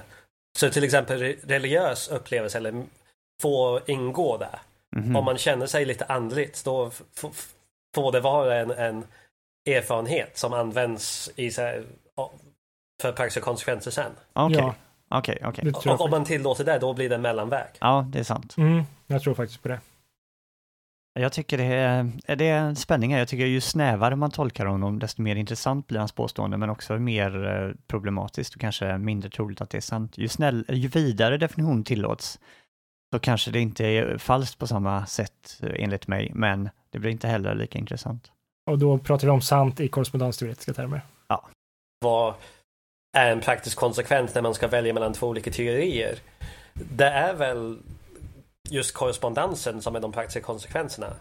För han tar upp exemplet om typ den, alltså en ateistisk perspektiv mot eh, uh, att Gud finns perspektivet. Han säger, han verkar väldigt försiktig och säger, jag säger inte att båda är lika bra. Det är möjligt att, uh, det verkar som att det fanns hopp att han skulle, att någon skulle hitta varför den ateistiska eh, eh, världssynden var fel. Men han säger någonting så här, om, om vi inte kan välja mellan dem, då kan vi inte göra någonting åt det. Om det finns ingen konsekvenser. Men det verkar som att om det var så att eh, den eh, med andlig världssyn skulle kunna täcka mer saker eller skulle berättigas mer eh, från sina upplevelser och så vidare. Då är det den teorin som man ska välja för den korresponderar mer med världen. Mm. Mm. Är han så här radikal? Eh, det finns en gud som, har vissa, som påminner om den abrahamitiska guden. Det påståendet jag just gjorde, är det varken sant eller falskt om det inte går att eh, härleda några praktiska konsekvenser? Är han så radikal? Ja, fast nu, nu är du inne i san sanningsteorin. Ja, men det känns som att vi måste gå dit för att det... Jag trodde vi var där nu i sanningsteorin lite grann. Eh, för att svara på den, på den frågan skulle jag bara säga ja. Um, för att jag skulle säga att den är i det här enbart verbala diskussioner som James vill undvika. Att det blir nästan nonsens att prata om saker som inte har praktiska konsekvenser. Men, men, men han menar ju att det finns en... Vänta, du menar att det inte finns... Att eh, om Gud finns eller inte, att det är en meningslös fråga? Nej, nej, alltså Kristoffer sa om det inte fanns några praktiska mm. konsekvenser alls. Mm. Okay. Betyder det det är varken sant eller falskt? Och jag tror James skulle säga ja, det är bara nonsens. Okej, okay. alltså, alltså, man kan ju ta ett, ta ett exempel där. Eh, en annan filosof, eh, en extremt ömsint filosof, Spinoza, en rationalist från 1700-talet. Han menar att det, eh, det finns en enda substans och det är naturen och det är samma sak som Gud. Ah, och han, han gör en konjunktion, alltså han säger och mellan allt. Summan av allting är, summan av hela naturen är Gud. Och då är frågan så här, är det någon skillnad på att säga att Gud finns eller att allt finns? Nej, det verkar inte vara någon skillnad. Det skulle vara en sån, det, det finns ingen praktisk konsekvens, skillnad mellan att kalla det Gud eller att kalla det all universum. Jo, men, men då ska jag säga, om man Såklart det spelar något roll, eh, alltså i teorin så finns det en konsekvens för det handlar om är det universum eller Gud. Men då skulle jag förmodligen säga att det finns två teorier, två olika teorier. Det är universum eller det är Gud. Båda har praktiska konsekvenser men eftersom båda är nästan identiska och täcker lika mycket så är det svårt att välja mellan vilken som är sant. Mm, och därmed och nu, är det bara en ord, ord, ordsskillnad liksom, vad man kallar det, universum eller vad man kallar det Gud. Det skulle kunna vara olika teorier också. Det var det som... Så, så, nu när man kommer in till sanningsteorin som vi är inne på nu. Att det finns möjligheter, det finns uh, olika teorier som är lika sanna. Men inte kompatibla med varandra. Om man, så två olika personer kan ha två olika teorier som är båda sanna som Echo-exemplet mm. som Kristoffer tog upp förut. Det är möjligt att det här, att man skulle kunna säga uh, de är två teorier om vi kan, inte, vi kan inte välja mellan vilken som är sant. Nej. Eller så är det samma teori om de är egentligen identiska. Alltså, Fast eh, jag skulle säga att det är två påståenden som bägge två är sanna, eftersom det visar mm. sig att de inte står i konflikt. Det som vore jätteradikalt är om det är två påståenden som uppenbarligen är i konflikt, men bägge två är sanna samtidigt. Jo, men Till det exempel, kan man säga. Gud finns är både sant och inte sant på samma gång. Det vore kontroversiellt. Ja, men det är det han menar. Han snackar mycket om att eh, han menar att världen finns, faktum finns, alltså att det finns en sten till höger om en annan sten. Det, det, eller, alltså det, att det finns en kaffe på, på mitt bord är ett rent faktum. Eh, däremot inom vilka faktum som finns i världen finns inte sanning. Utan han, han menar att sanning är något som eh, att en idé och en trosföreställning kan bli sann. Eh, men, men sanning finns inte ute i världen helt enkelt. Och när jag försökte förstå mig på det här så kom jag på den här surtsa räven. Har ni hört talas om det ordspråket? Mm. Nej. Det här eh, engelska tror jag är sour grapes. Man, det finns en, eh, en, en en gammal folkhistoria som säger att det fanns en räv som tyckte som var jättesugen på vindruvor som hängde högt upp och sen så försökte han nå de här vindruvorna. Eh, och så, eh, så fick han inte tag på dem. Och då tänkte han, nej de är säkert sura i alla fall och gick därifrån. Och om man utgår från eh, den pragmatiska synen, och han, då när han säger surt sa räven eller sour grapes i det här fallet, så blir det, de här vindruvorna, det är sant för räven. Alltså att vindruvorna är sura och inte söta och goda. Men om en fågel kommer dit till exempel så kan ju den fånga och då för fågeln så kan dru, druvorna vara goda. Eller alltså i, i första fallet så är det sant att Eh, för även i början så är det sant att vindruvorna är söta och goda. När han väljer att inte vilja ha dem och säger nej, de är troligt, men de är sura i vilket fall som helst, säger han sen, då blir de, då är det sant för honom. Om, för att alla hans erfarenheter och alla hans trosföreställningar ändras om att stämma överens med att de här vindruvorna är sura. Så han kommer inte försöka nå dem igen, han kommer inte göra något, han kommer undvika dem och sånt där. Och jag, jag tycker det är en bra beskrivning, eller jag hoppas att ni håller med om det, men det är så jag ser beskrivningen av hans sanningsteori, att vissa påståenden blir sanna. Så att i vissa fall så kan Gud, det vara sant att Gud finns, i vissa fall kan det vara falskt att Gud finns. Eller kan vara sant att Gud inte finns på samma sätt beroende på hur det hänger ihop med de andra delarna i ens. Okej, okay. eh. Jag håller med, alltså, som en beskrivning av eh, James position bara nu då, för jag håller ja, inte med överhuvudtaget. Jag, är en helt, jag tror att James, jag är helt emot James. Men ja. eh, som en beskrivning av James teori så tycker jag, jag höll med på ett sätt och håller absolut inte med på ett annat. Eh, jag håller med om det att det är bevisen, alltså när man verifierar någonting som gör det sant. Det var inte sant förrän man verifierade. Eh, men du sa att det för räven kunde vara sant att bla bla bla mm. och för fågeln vara sant att bla bla bla. Mm. Jag ser inte alls någon sån relativism hos James. Jag tycker att det verkar som att det måste hänga ihop. Det, kan ja, men alltså, alltså det, det, är snarare en subjektivism snarare än relativism i det här fallet. Ja, men subjektivism, med subjektivism menar jag en relativism som relativeras till en enskild person. Alltså den mest extrema formen av relativism. Vad menar du med subjektivism? Nej, men att, eh, alltså att eh, det finns ett, eh, ja, vad jag försöker få det till är att eh, det är bestämt utifrån individen. Eh, det, det, alltså det hamnar extremt lätt i relativism. Han vill inte vara relativist, så jag vet inte hur man ska få det till icke-relativism, men jag tycker inte han gör en bra beskrivning och säger att det inte ska vara det, men jag uppfattar det faktiskt som att han, han beskriver att han har en koherensteoretisk syn på det här, att eh, Um, vad heter det, rävens upplevelse är eh, eh, rävens upplevelse av druvorna är att de är sura. Han ändrar alla sina trosföreställningar och hans agerande efteråt, det kommer få en praktisk, av att han säger att de är sura, får en praktisk konsekvens för honom. Vilket gör att han, han kommer inte försöka få dem längre och liknande. Så han kommer ändra sitt beteende utifrån det här. Och då Men det kommer... låter som eh, på det att då- han inte kan skilja mellan trosföreställningar och sanningar. För, okej, nej, nej, t- trosföreställningar får egenskapen att vara sann. Ibland. Det är det, alltså, eh, sanning är någonting som händer i det. Han har ett, jag ska se om jag har ett citat här, om jag kan läsa. The truth of an idea is not a stadient property inherent in it. Truth happens to an idea. It becomes true. Is made true by events.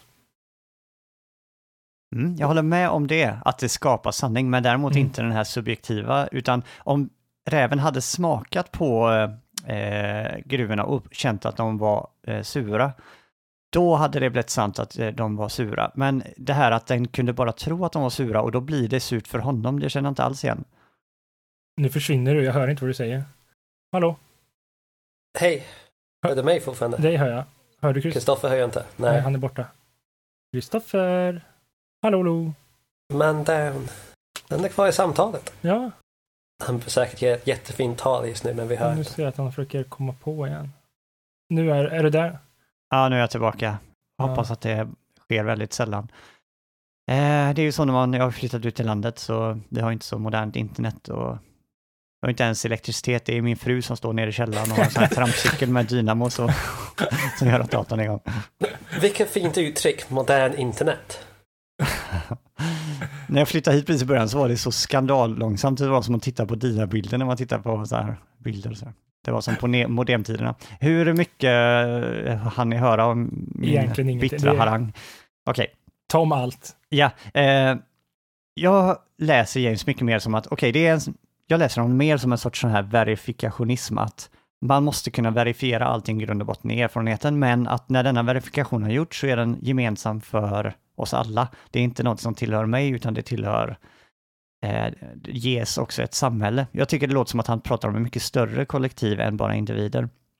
Han tillåter till exempel att jag vet att det där är en klocka om någon annan någonstans i historien eh, har verifierat att det är en klocka med erfarenheten. Men okej, okay, oh, förlåt. Jo men äh, för, för, för, för jag, jag tror ni båda har rätt på något sätt. För att ehm, jag tror att eh, James är väldigt relativistisk eller, och extremt pluralistisk. Men han räddar sig själv utifrån att vara subjektivistisk på någon extremt sätt. Genom att ha det han säger common sense, pratar han om. Som är någon slags gemensam kunskap som eh, alla har. Eller, och då det, det här är det intressanta med just det här koherens och korrespondens och vart James placerar sig i förhållande till det vi pratade om förut.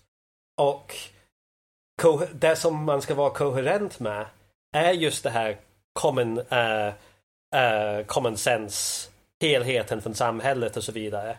Mm. Och samtidigt så befinner vi i samma värld, sa- samma empirisk värld. Men det finns också äh, möjligheter till att vi har väldigt subjektiva korrespondenser, skulle jag kunna säga. För, för vi, vi alltid använder de här trosföreställningar, eh, mängd som äh, som korrespondensteori säger, så vi har de här och det som vi sen bekräftar alltid i förhållande till dem. Men det blir en sorts, när man möter världen så handlar det om korrespondens. Ja, alltså precis. Men, men för, för, Mm, kör. för att det är klart varför det kan bli subjektivt då. Mm. Är om vi bara, nu, nu är det ett absurd exempel så jag ber om ursäkt om man inte tycker om absurda exempel och jag vet inte om James skulle tycka om det här. Men om vi säger att det finns en, inte en ond person, men en person som smyger in till min lägenhet varje kväll. Eller så varje gång jag köper mjölk och ersätter mjölken med apelsinjuice. Hela mitt liv. Så jag har aldrig smakat mjölk. Och då en gång så är, är det här personen som byter ut min mjölk till apelsinjuice förkyld. Jag har mitt mjölkpaket och sen jag öppnar mitt mjölkpaket på, på morgonen och, och dricker mjölk för första gången. Nu skulle jag säga det här är inte mjölk. Det här är någonting annat. Ja. Så man kan ändå ha den här subjektiva biten i den men samtidigt så är man i en stor trosföreställning mängd av eh, trosföreställningar och handlingar som är i någon slags väldigt stor kollektiv sak om till exempel en klocka. Och eh, vill någon ta det här, eller så här, antingen svara på mig eller ta klocka-exemplet Alltså, jag, kanske. jag svarar gärna på dig. Alltså, alltså, jag tycker du har rätt i det du säger, alltså, ang angående James. Alltså, alltså, för han pratar ju om alltså just det här att, att våra trosföreställningar, de är som eh, fläckar. Och att man, eh, att de, alltså vi är, ett, eh, alltså vi är en stor, stor tavla av olika färgfläckar kan man säga. Och att det, att när vi ändrar trosföreställningar eller något så ändrar vi bara en fläck åt gången kan man säga. Och att de brer, brer ut sig sakta men säkert. Vilket gör att till exempel i den här tillfället så har du eh, alltså, det, är- alltså du, alltså det här common grejen som är väldigt intuitiv att vi har uppfattningar om saker och ting. Eh, och vi, alltså när vi stöter på något nytt, när till exempel man stöter på att ja, ja, men tydligen så eh, vill eh, alliansen inte alls sänka skatten eller inte. Och Då, då ändras en del, då ändras bara den delen, det ändrar inte bilden av eh, alla andra. All, synen av vad politiker, vad, vad moderater tror i allmänhet, det ändrar bara den synen i den här situationen menar han. Att det ändrar inte alla trosföreställningar. Tillsammans med idén att, som jag tror att, han menar inte att tros, eftersom sanning är något som händer en trosföreställning, så menar, alltså om vi tar rävexemplet här igen, så, så är, är, är rävens trosföreställning varken sann eller falsk. Den blir sann när han väl väljer att agera på det här viset. Så att det är inte- det är inte så att, den, att jag beskrev det som det, men jag tror man kan beskriva det som att innan han har sett de här vindruvorna, eh, att det finns ett vindruveträd, är det buskar förresten? Ja, nej, skitsamma. Eh, så är det varken sant eller falskt för, för den här räven att det finns söta eller sura vindruvor där borta bakom, bakom ängen. Men när han väl kommer dit, det är då han kan ha en trosföreställning om det här. Och det är då de kan få Ah, Ja, jag håller Jag har så och- mycket att säga. Men bara, bara för att bekräfta en grej för Simon så är vi i alla fall överens med varandra Mm. innan du eh, inte håller med oss Kristoffer. Ehm, så, så det är samma sak att med min ä- apelsinjuice-mjölk-exemplet. Alltså när jag dricker mjölk, så här, riktig mjölk för första gången. Jag skulle kunna säga det här är inte mjölk. Mm. För- Men alla andra skulle då säga det är mjölk. Mm. Och då har man en konflikt i två påståenden som är sanna för de är användbara Mm. för, eh, eh, för, för båda. Antingen jag eller allmänheten. Kristoffer? Ja, jag har hur mycket som helst här, jag skulle vilja köta om. Eh, och det är inte allt som står i direkt konflikt här, men eh, jag, det kanske minst intressanta är att tjata just nu om vad, hur jag skiljer mig i min tolkning av James, men en sak jag vill säga om James är att mycket av det han skriver tycker jag är fantastiskt bra, men det handlar inte om det han tror att det handlar om, eller det ni pratar om. Alltså jag tycker han är fantastiskt duktig på att beskriva hur vi formar våra trosföreställningar. Vad tror vi är sant? Mm. vilka uppfattningar har vi? Så här, det tycker jag är fantastiskt bra. Det finns en eh, diskussion eller ett begrepp som cirkulerar på senare tider som kallas eh, reflektivt ekvilibrium. Jag tror att det var någon amerikansk gubbe efteråt som kom, eh, jag tror det är Nozick eller att det är John Rawls eller någon sån här sentida amerikansk filosof. Skitsamma, inte så Tom viktigt. Goodman var först, bara för att lägga till ett namn. Ah, Okej, där ser man. Där ser man och, eh, men jag blev förvånad över hur mycket det här begreppet, eh, även om det inte cirkulerar hos James, så tankarna tycks finnas här väldigt mycket hos James. Och tanken är helt enkelt så här att vi går alla omkring med ett nät av trosföreställningar. Eh, och det är inte bara så att vi har en hel hop med trosföreställningar, utan de sitter ihop med varandra. Och det, nu kommer vi in på den här koherensen, att de, jag kan liksom inte ändra en utan att kanske jag måste ändra några andra. Och det finurliga är här att de sitter olika djupt inbäddat i nätet. Några trosföreställningar är så här, jo, de sitter kanske så löst ut på kanten att jag kan ändra det och det, det händer liksom ingenting. Jag trodde att eh, tapeten i sovrummet var gröngul, men den visar sig dra mer åt det blåaktiga hållet. Aha, okej, ja, jag ändrar den trosföreställningen, det gör ingenting. Däremot, till exempel, jag tror inte på att det finns spöken. Men helt plötsligt en dag så tycker jag mig se, eh, jag tycker mig se en avliden bekant gå förbi utanför fönstret. Okej, vad ska jag tro här nu? Ska jag tro att eh, alltså, jag hade fel, det finns faktiskt spöken? Eller ska jag tro att, nej, det är nog en, bara en person som eh, är väldigt lik den här avlidna vännen? Vilken trosföreställning är lättast att ge upp? Eh, och det här att tro att det inte finns spöken, det sitter upp med en massa andra trosföreställningar. Så att om jag ska ändra på den så måste jag ändra massvis med andra grejer. Så därför ger jag inte upp den. Och det är lite det här James beskriver, en tröghet i hur vi bildar våra idéer. Men det jag vänder mig emot är att detta skulle definiera sanning på något sätt. Jo, men eh, vet du bara, för alltså för eh, exempel med William här så har han ju antingen så är det här inte mjölk och då har alla fel eller så är det mjölk eh, och alla har rätt. Så att antingen så är det mycket lättare att ändra hans trosföreställning om vad som är mjölk eller inte istället för att ändra på att när majoritet, när de flesta säger en sak så har de fel.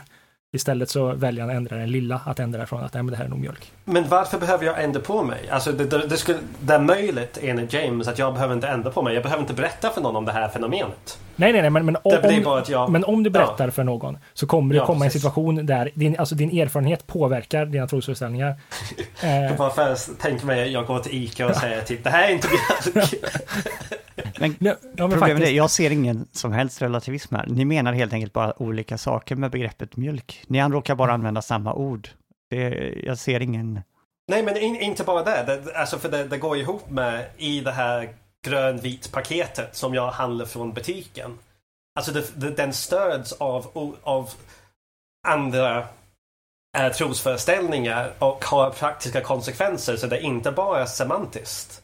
Det är inte bara ord. Det är... När du tänker så här, du håller den i handen och säger den här vätskan har klämts ur eh, brösten på en ko. så, då tänker du någonting falskt. Vad menar du med falskt?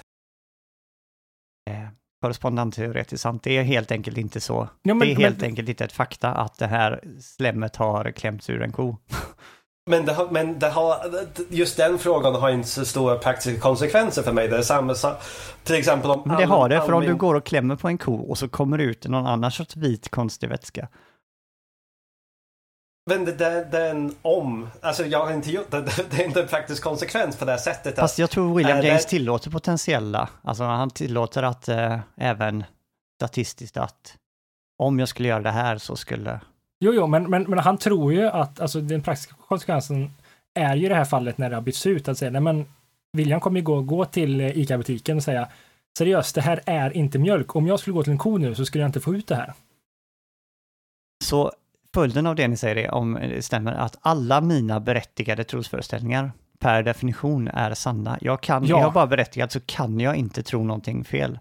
Jag ja, kan det, inte ha fel. Det är, det är det som han menar med sanning. Och det är väl, han, det är det som är problemet med James här, att han, han, eh, han utgår från en korrespondensteoretisk syn på sanning genom att han pratar att det finns vissa fakta i världen. Och sen så, men han säger inte att det har med sanning att göra. Och sen så tar han sanningsbegreppet och säger, det är det här vi menar med sanning. Som du då, eller jag också, eller de flesta skulle kanske säga skulle vara något annat. Det skulle snarare handla om Sanning med stort S. Ja, nej, ah, men, okay. Ska vi ta den grejen då? För ja. en av mina absoluta, så här, så jag får rysningar av när folk använder så här, sanning med stort S. Jag, jag vill säga som många filosofer säger, att jag, jag förstår inte vad man menar, fast egentligen förstår jag mycket väl vad man menar och tycker bara att det är ett dåligt sätt att prata. Varför säger man så? Och jag har alltid stört mig på detta och nu ser jag vem kanske det var som startade detta, att det var den här William James som ska gå omkring och vara sur på.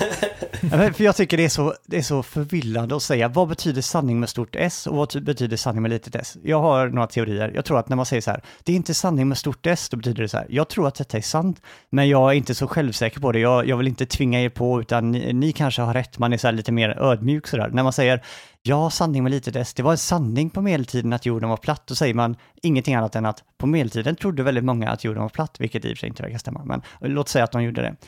Egentligen så säger man bara ett konstigt sätt att säga att det här tror jag är sant och det här, tror jag, det här trodde de var sant. Mm. Det är bara ett sätt att uttrycka det, ödmjukhet. Det finns en annan tolkning av det. William, vill du gå först? Alltså, jag, jag tycker det handlar om att um, hur man värderar ett visst begrepp. Uh, och de som pratar om, alltså försöker skilja sig från begrepp med stort bokstav. Det, jag ser det bara som ett retoriskt knep, men ja. Ja, ja men, men jag, jag tycker det handlar om att det finns, att man ställer sig emot människor som överromantiserar dessa begrepp eller, eller ger det för mycket innehåll eller att den är viktigare än vad den är. Att de uh, gör sanning till någonting mycket större än vad det är. Mm. Alltså, Alltså jag skulle se skillnad, alltså jag håller med dig på ett visst Men strävar inte men, men, men, men jag tror när man pratar med många som pratar med sanning med stort S och med, små, med litet s, att säga, alltså då pratar man mycket om ob, eh, objektivism till exempel, om, om man pratar om, alltså det är, alltså medvetande oberoende saker är sanning med, med litet s till exempel. Om man ska säga Eh, om alla människor skulle dö ut i världen om fem sekunder så finns det fortfarande eh, ett faktum att det finns x antal Coca-Cola-burkar i världen. Ja, Men, det är sant. Ja, det är en sanning. Det, det, det är sanning, det är sanning med litet s. För att om det inte Eh. fanns en värld överhuvudtaget, om jorden skulle försvinna, om, om universum skulle försvinna, så skulle det fortfarande finnas en annan sanning som fortfarande är kvar, även om jorden inte fanns. Och det är sanning med stort S. Och vad det är, är oftast, eh, pratar man oftast, det är Gud, det är att ett plus ett, är- alltså oavsett om världen inte fanns eller har funnits överhuvudtaget, så skulle ett plus ett fortfarande alltid vara två. Okej, det- det där stämmer inte alls överens med hur jag har hört Nej, det. nej, nej, men det, det, Att det faktum att det är ett medvetandeoberoende absolut sant sanning, det gör att det är sanning med stort S som folk. Ja, men- folk vågar inte ta den. eh, Ja, men det är fortfarande relativt. I, I den här stunden kan det finnas x antal kolaburkar. Men Ja, ja. imorgon kan det finnas ett annat. Så att det är fortfarande, Men, det, men vad skulle motsatsen till det vara? Mot, motsatsen skulle vara vilka, san, vilka, vilka sanningar som finns. Ja, men precis. Vilka, alltså, sanning med litet s har, har jag tolkat det som att det är, san, det är sanningar som är medvetandeoberoende, men fortfarande situationsberoende. Ehm, Men vad är en situationsoberoende sanning? En liksom- situationsoberoende sanning skulle vara till exempel matematiska sanningar. Eller Gud, eller... Eh, Men du kan ju göra vilken eh, sanning som helst situationsoberoende genom att säga så här, vid tidpunkt X och plats X eller Y så fanns det så många Jo, jo men, Coca-Cola-burkar. om, om, om, du tar bort, du, alltså, då, det, blir inte situationsoberoende på det sättet. Jo, det, är sann, jo, det påståendet är sant i all evighet och har alltid varit sant. Jo, ja, men okej, här, här, eh, här, Om, här eh, kommer vi in på att du har faktiskt en, en, viss, ja, jo, en viss bestämd syn på tidsontologi, men om, om vi säger att i alla tidpunkter i allt, okej, men om... Jag okej, skulle ju säga det san- om... ja. Sanning med stort S är sant i alla tidpunkter, vid alla positioner i hela universum. Oavsett om universum fanns eller inte. Och ja, jag tycker att det är lite märkligt att prata så. Jag- jag tycker bara det är förvirrande. Jag tycker sanning är, alltså sanning är sanning och sanning med lite dess är bara det vi tror är sant. Sanning med stort dess är bara, det här tror jag är sant, vet är sant och tänker inte lyssna på någon annan och jag är väldigt intolerant. Men James tillåter intolerans med sin sannings... Alltså man får vara... Ska vi gå lite Intolerant. närmare boken? För jag tycker, eh, jag har, har hittat en gäng, ja, typ fyra olika de- definitioner av sanning. Mm. Och eh, vi kan ju se huruvida, vad han faktiskt säger, om det, hur det stämmer ihop med det vi har sagt här nu. Orkar ni? Ja, kör. Okej, eh, okej, en första definition eh, säger han att sanning, som vilken ordbok som helst kommer att berätta för er, är en egenskap hos vissa utav våra idéer och med idéer menar han ungefär tankar. Han går vidare här, här är första definitionen av sanning. Okej, det är en egenskap hos vissa idéer. Det betyder att de, vad ska man säga, agreement, alltså de överensstämmer med reality, alltså med verkligheten. Och då säger han, okej, det här kommer alla gå med på. Att sanning det är att idéer stämmer överens med verkligheten. Och här låter det för mig som, okej, det är renodlad eh, korrespondensteori. Men det kan det ju inte vara för att han vänder ju sig emot dem. Och han säger så här, okej, det här kommer ju alla hålla med om. Vad det är som vi bråkar om är eh, vad som betyder, vad eh, ordet agreement, alltså överensstämmelse betyder och vad verklighet, alltså reality, betyder. Det är där som bråket uppstår. Okej, var var ni överens så långt? Eller eh, håller ni Ja, med visst. Honom? Jo, men jag, jag tycker inte han definierar sanning här. Han, där, där han argumenterar fram till sin definition. Jag tycker han gör inte definitioner på sin sanning än. Nej, okej, det är en förberedande Ja. grej. Jo, men annars, jag håller med. Okej, men sen så kommer en sak som jag tyckte var väldigt eh, talande.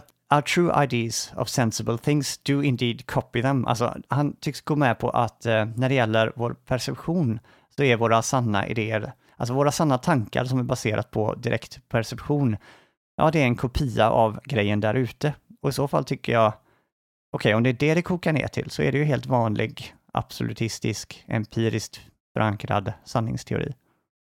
Mm. Mm. Och förresten, bara för att skälla på honom sparkar han lite på småbrunnen där. Han inleder samma paragraf med följande som jag tycker är tråkig. In answering these questions, the pragmatists are more analytic and painstaking. The intellectualists more offhand and irreflective.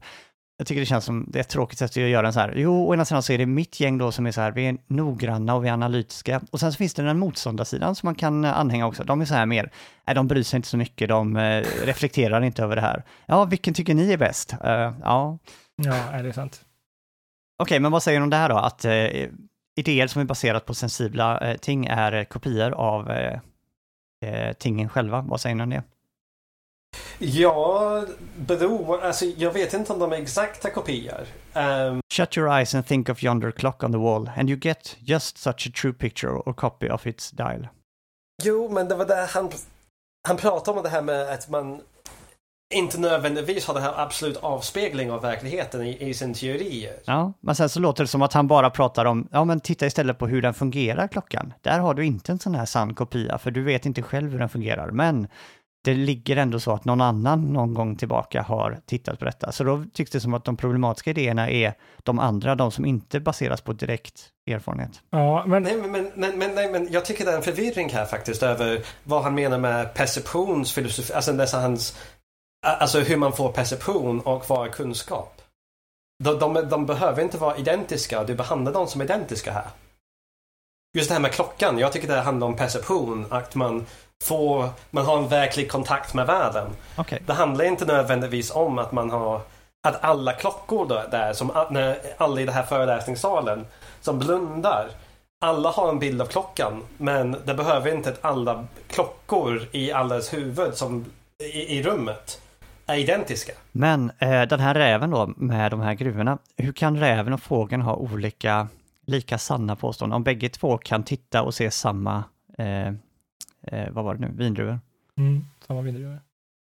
Hur kan det inte bli någon sorts, eh, hur kan det bli någon relativism av det där? Om det blir ju relativistisk. Det är ju, tror jag, konsekvensen av det hela. Men... Eh, Okej. Okay.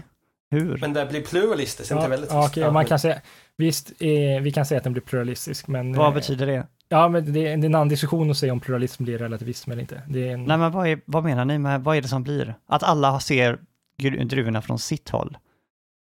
Alltså det ena, alltså att rävens trosföreställning är beroende på, på sin egen eh, trosföreställningshistorier. Och eh, eh, där vi pratade om förut, där vi pratade om reflektiv ekvilibrium och så vidare. I, inom psykologi så är en term som kom ungefär 30 år efter eh, James och jag tycker att han pratar ganska mycket om det här, heter något som heter kognitiv dissonance, Att man vill förminska den interna konflikten i sin egen mental tillstånd. Men det är återigen bara en beskrivning av vilka trosföreställningar vi har. Eh, har de eller har de inte tillgång till samma verklighet i perception? De har tillgång till samma, till samma verklighet men de också har till, de har också um, embedded, uh, vad, uh, uh, alltså Inbäddat?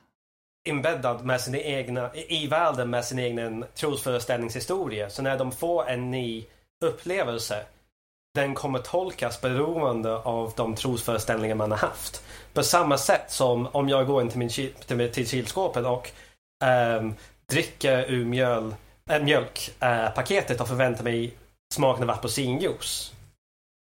Alla andra människor som inte har blivit lurade av det här ond person äh, skulle ha en annan äh, förväntning när de dricker ur mjölkpaketet. Ja, absolut. Men äh, vad har det med sanning att göra? Så som man möter världen med sin egen kunskaps eller trosföreställningsbagage eller historia. Och utifrån det man tolkar världen med världen och sin egen historia. Som, som, som tolkningen ska korrespondera med. Mm. Men återigen, detta är väl en historia om vilka trosuppfattningar vi bildar oss. Ja. Jo, jo, så, så, så det, det, här är samspelet med korrespondens och uh, koherens. Det ska vara koherent med sina egna, egna trosföreställningar men det ska korrespondera med världen. Och det är därför räven och fågeln kan få annorlunda tro, uh, sanningar om um, uh, vad var de skulle äta? Vindruvor. Vindruvor, ja. Och vad är då sanning? För det är fortfarande för mig då som tror att bägge två, att det, de kan bilda olika trosföreställningar men bara eh, vissa är sanna. Eh, vad är då sanning? Vad är, vad är sanning här egentligen? Allt är sant. Allt som är praktiskt är sant. Allt som är praktiskt är sant. Ja, nej, jag skulle nog säga att... Enligt James.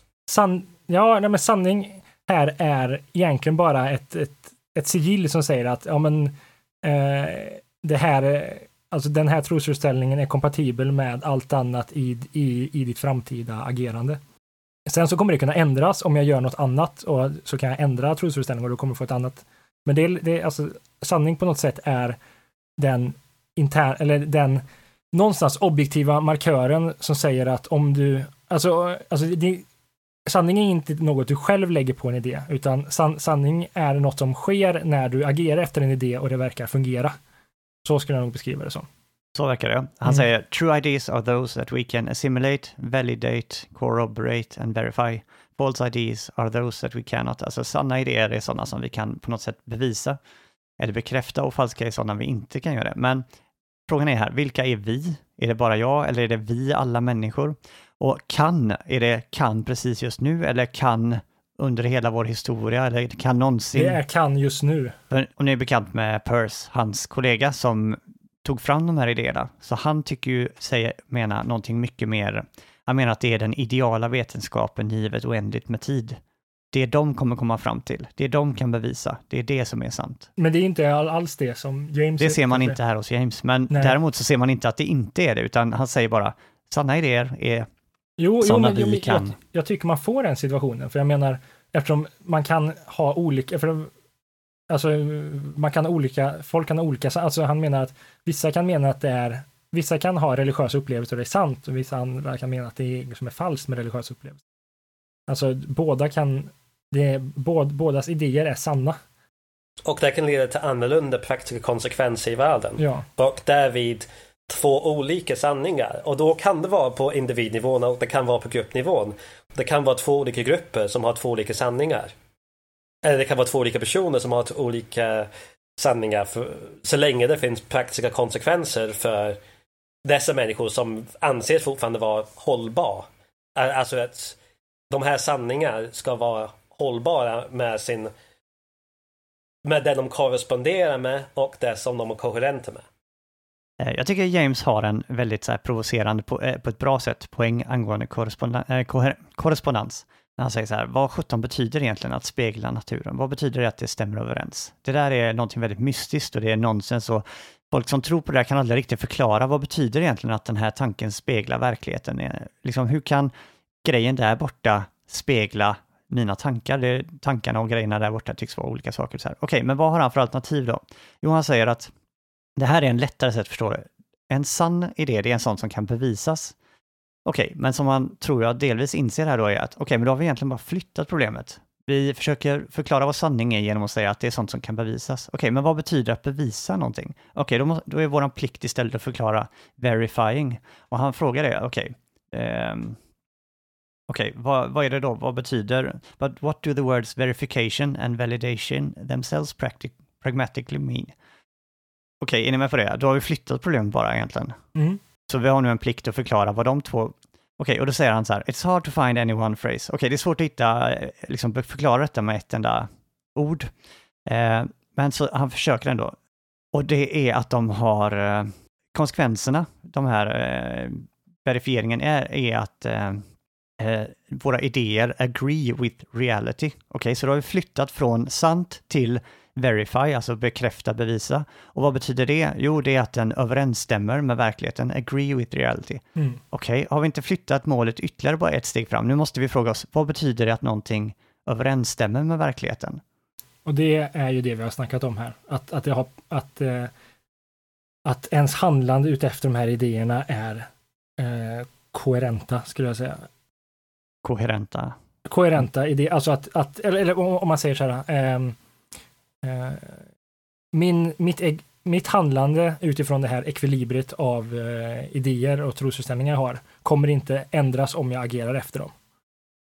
Okej, det är station nummer fyra då. Det, kommer, det stämmer, det kommer inte i konflikt med världen. Nej, Eller? eller, eller de kommer inte ändras om jag agerar ut efter dem. Okej. Men det, det kommer de i och för sig göra sen, men men alltså det, det är det som sanning, jag tror han menar, sanning innebär. Alltså det blir som sagt, det sillet är egenskapen som säger att om du fortsätter agera efter, efter de här tros, eller om du agerar efter de här trosföreställningarna så kommer de vara sanna som inte kommer ändras av att du agerar på det här viset. Mm. Eh, men är inte nästa fråga då, varför inte? Varför kommer vissa idéer inte att ändras medan andra kommer att göra det? Ja, men det han säger då är ju att eh, eh, erfarenheten kommer ändra på dem. Alltså att eh, Ja, varför? du kommer studs, eh, världen slår, slår tillbaka, kan man säga. Ja. Att, eh, det visar sig att när räven blir eh, tvingad att äta vindruvor av den här fågeln som har mobbat honom under lång tid och bundit fast honom och slänger ner en vindruva i halsen på honom så visar det sig att mm, åh fan, den var ju den var ju söt och inte sur. Just det, den Men- var ju det. Ja, ja, men det är först då det är. Men fram Så den var dess... inte det hela tiden? Nej, nej, men, men det, det, här, det är här som jag, jag, håller, jag håller med dig. Alltså, eh, vi har pratat om två olika saker. Du, alltså, jag håller med dig i sättet att han pratar inte om sanning. Sanning är, alltså att han använder begreppet sanning är fel. Jag håller med dig i synen på att, att eh, för, han, för han utgår hela tiden från den här korrespondensteoretiska synen, för han menar att det finns en värld, det finns en överensstäm, överensstämmelse med världen, och det är egentligen det som korrespondensteori betyder. Men James försöker ju säga att sanning betyder något helt annat, samtidigt som man håller kvar att det finns en korrespondansrelation. Han menar att det finns en objektiv värld, det finns ett sätt att uppleva den här världen. Eh, så att jag, jag vill säga att James fuskar i mångt och mycket. Det är det jag tycker också. Jag, jag tycker om James uh, definition av sanning. Det är kanske inte ovanligt att jag håller med ni inte håller med. för det brukar vara ni två mot mig. Um, men för till exempel, det finns, uh, okej, okay, så, så allt som, om vi går tillbaka till räven och fågeln och vindruvorna. Okej, okay, så du sa Kristoffer att det var ju det när um, uh, fågeln och tvinga räven att äta de här vindruvor. Ja, så sa Simon så här. Ja, det var, den var visst uh, söt, sa Simon. Ja, det, det var, det, ja, söt. Men det är också möjligt att um, att det egentligen så har de här två eh, en viss historia, en viss trosföreställningar av ehm, eh, det som ehm, det, det, det, deras upplevelse av eh, vindruvorna och deras bedömning är beroende av. Och de två, deras trosföreställningar kanske är delaktiga jämfört med andra personer. Och andra personer kanske inte håller med dem.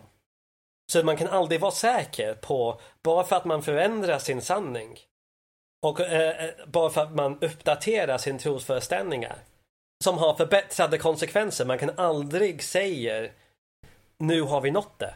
Och, um, och James säger att ja, det är kanske är möjligt att vi får fram en, en världsbild i framtiden som korresponderar med hela verkligheten. Det kanske är möjligt. Och då, då är det stopp, då har vi nått det. Men vi är inte där än. Och så då kan vi aldrig säga när vi uppdaterar oss, nu har vi nått sanningen med stort S. Om man får säga det. Nej. But, um, oh, jag får inte säga det. Okej, okay, då har man inte nått sanning i era bemärkelser. För att det finns inget bevis som man har nått det. Mm. Det finns absolut inget bevis, för man kan inte påstå, det här går utifrån metoden, att man kan inte bara påstå att man har nått det här supersanningen eller Kristoffer och Simons sanning.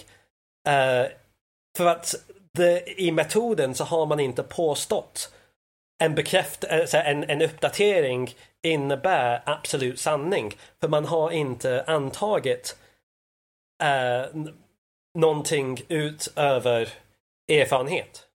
Men du, du gör nu en koppling som väldigt många gör. Uh, som, ja, det, jag ser fram emot när, om vi får ett popperavsnitt för då kan vi diskutera det på ett annat sätt. För du kopplar samman här nu vad vi vet är sant med vad som är sant. Och jag undrar den här filosofen Popper, han poängterar väldigt mycket att det faktum att vi aldrig någonsin kan vara säkra på att det vi tror just nu faktiskt är sant har ingen betydelse för huruvida det faktiskt är sant. Alltså, det är lätt att man gör den kopplingen att ah, om jag förespråkar absolut sanning så betyder det att jag eller någon annan har hittat den här absoluta sanningen. Men en position är ju att man säger att det finns ett absolut sant svar.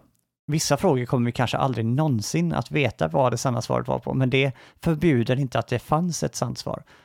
I den, i den äh, äh, pragmatiska metoden som vi diskuterade för två timmar sedan ungefär, så, um, så, så kan man bara ha saker som man har upplevt. Uh, det måste vara praktiska konsekvenser. Det måste vara konkret. Det är eh, de ingredienser som man har att bygga upp sin sanningsteori med. Man kan inte anta någonting som är enbart verbalt, som är rationalistiskt. Och att påstå det här absolut sanning när man har inte mött det någon gång är rationalistiskt, det är verbalt. Uh, det är någonting som inte är empiriskt bekräftat och därför kan man inte göra det. Därför är det nonsens att prata om det. Eh, fast jag, tänker i stil med Kant. Nu använder jag Kant för att eh, driva hem på Engelsk William så att han blir mer vänligt inställd. Men, eh, Nej, jag, jag pratar enbart om James metod nu. Jag pratar inte om vad jag tycker själv. Nej, jag okej. säger enligt James metod. Jag försöker inte Mm. argumentera om det här är sanningen eller inte. Du, du har en förvirring med James eh, användning av sanning. Jag säger att er begrepp om sanning, absolut sanning, är nonsens enligt James. Alltså jag, jag bråkar ju med James. Det är inte så att jag säger det här säger James, jag är eh, så osympatisk så jag bara kritiserar det jag tror mig hitta hos honom. Eh, det är flera saker nu som rör sig. Å ena sidan vad James faktiskt sa, å ena sidan vad jag säger, å andra sidan vad William tycker och, och så här, det är samma, blandat samman. Men eh, jag tänkte på en sak du sa, det här med absolut sanning har vi aldrig stött på det och därför kan vi inte ta det för givet. Men säger han inte någonstans James att, eh, precis som Kant, att det är någonting vi bara måste ta för givet för att förstå resten? Det är en sån här som ligger bakom Eh, alltså, precis som att Kant antar att det måste finnas ett ting i sig bortom, även om vi aldrig kan hitta det så måste det finnas någonting bortom världen som grundar det.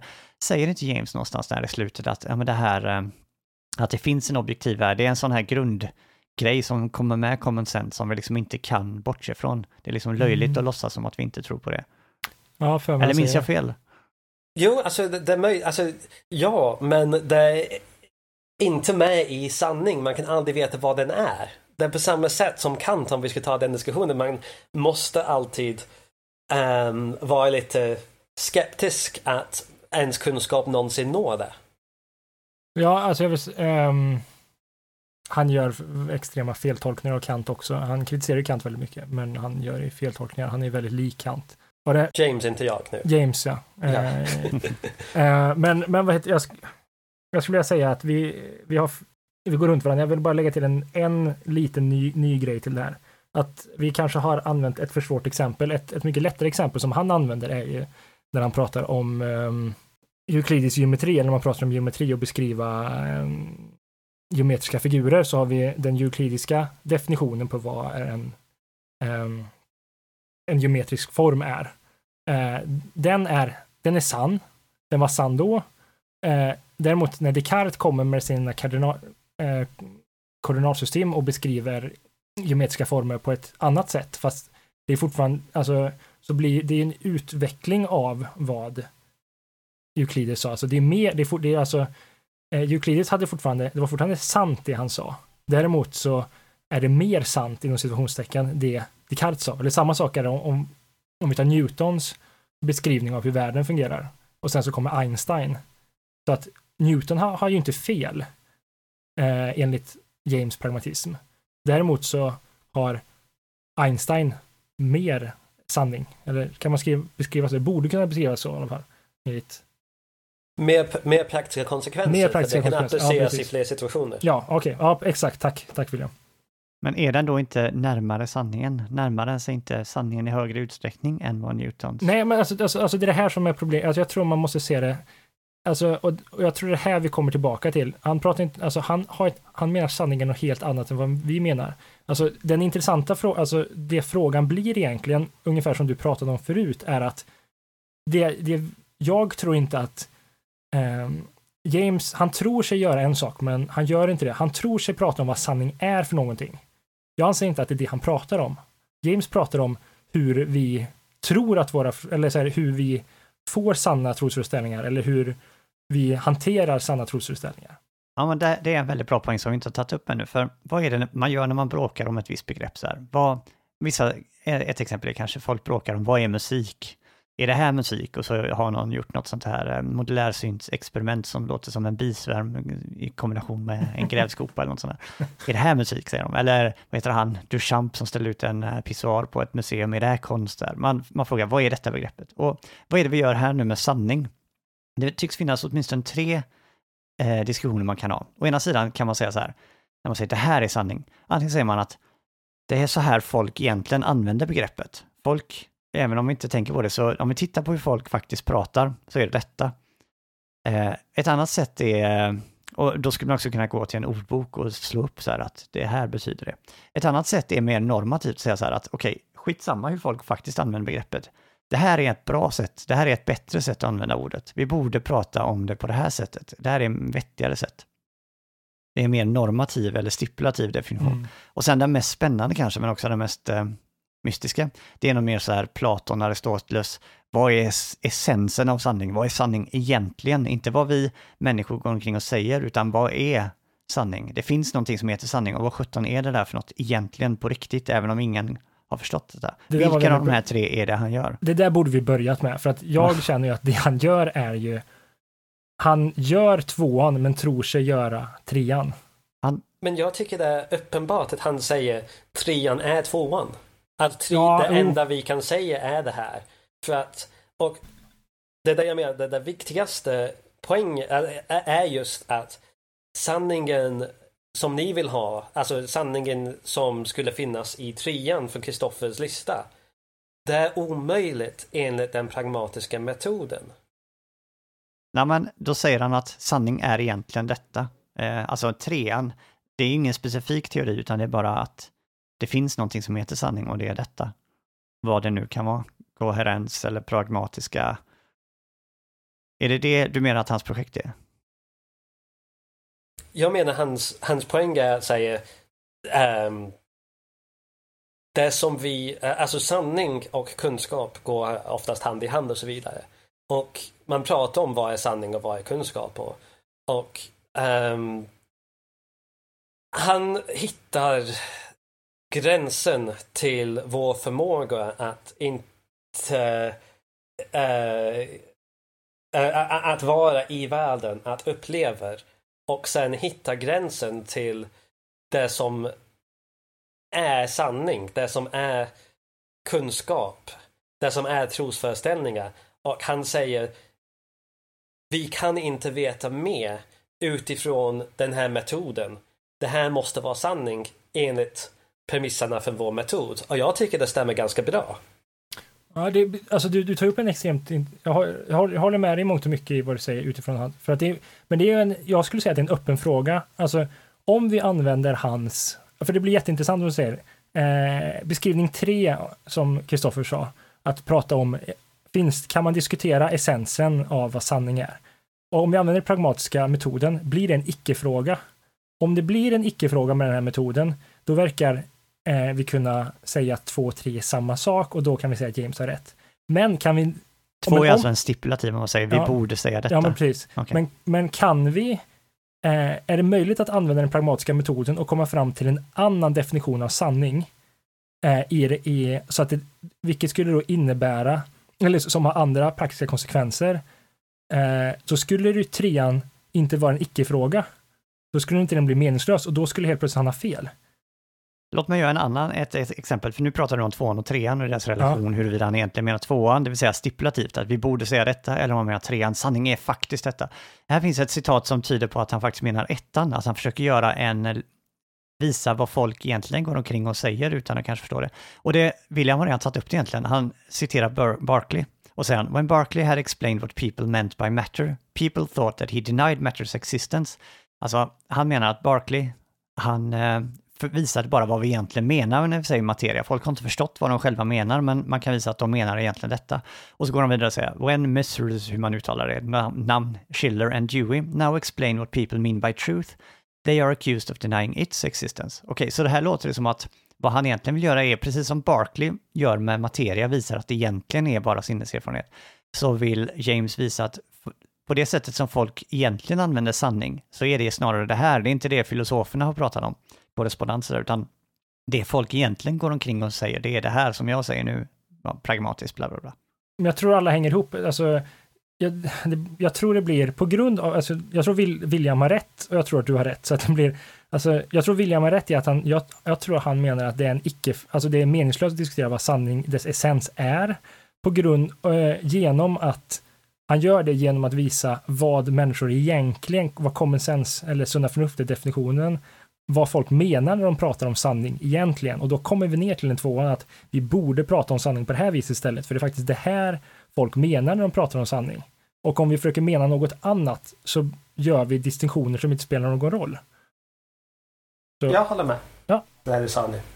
Det är vad jag menar i alla fall, men det kanske inte är det som... Äh... Alltså jag, jag tror exakt, jag, jag, jag, jag håller med mig själv och det, att det är så James, James ser på det. Frågan är ju om, är det, stämmer det? Det är det som är frågan, den intressanta. Stämmer vad? För det är tre olika frågor. Eh, Nej, tvåan nej. kan ju inte stämma. Tvåan är ju bara ett förslag nej, nej. på att vi precis. borde göra detta. Okej, två, okej, eh, det blir, blir två frågor. Är det ena, eh, är det här beskrivning av hur folk pratar om sanning, stämmer det? Det är jag Eh. mycket mer benägen att vara positiv till. Att det kan Ja. mycket väl vara som en psykologisk beskrivning av hur folk faktiskt går omkring och beter sig. Så ja, visst. Och, det, och det, det ligger mycket i det. Men då kommer sista frågan, eller den andra frågan. Är det meningslöst att diskutera sanningens essens? Kan vi hitta genom den pragmatiska metoden?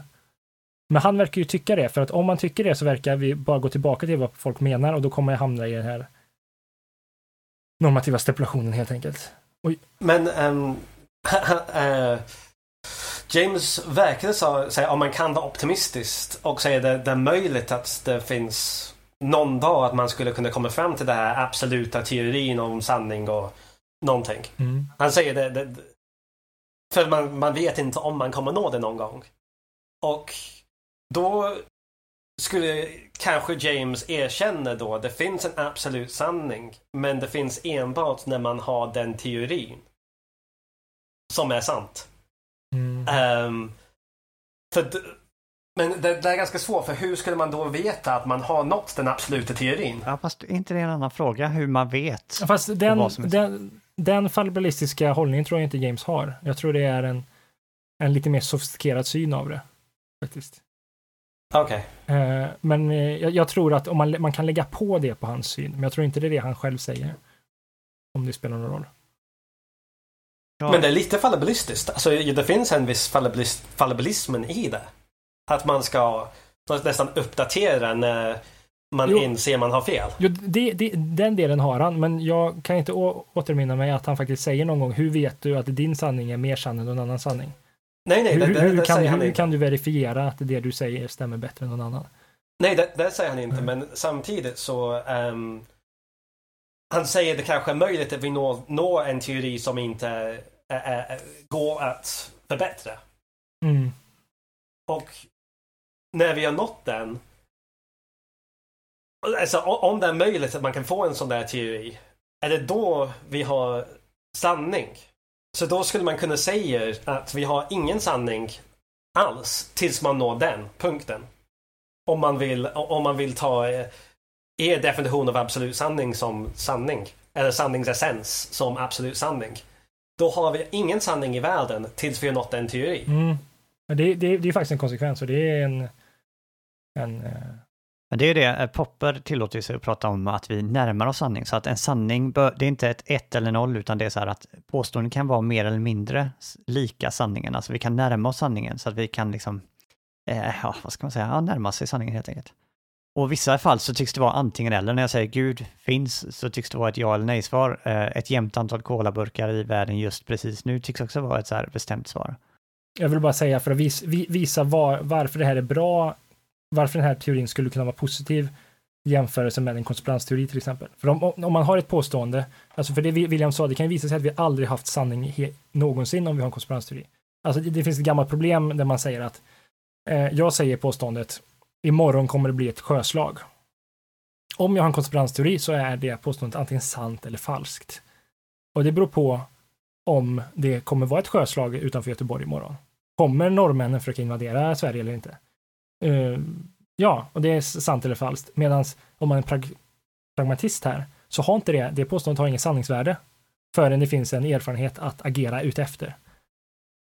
Uh, så att uh, korrespondensteori och sådana ab ab absolutistiska teorier verkar ha problem med, med sådana påståenden. Å andra sidan så verkar det finnas uh, motargument mot pragmatism. Jag, har, jag läste något exempel där de sa att vi kan tänka oss en person som eh, förespår eh, framtiden genom ren...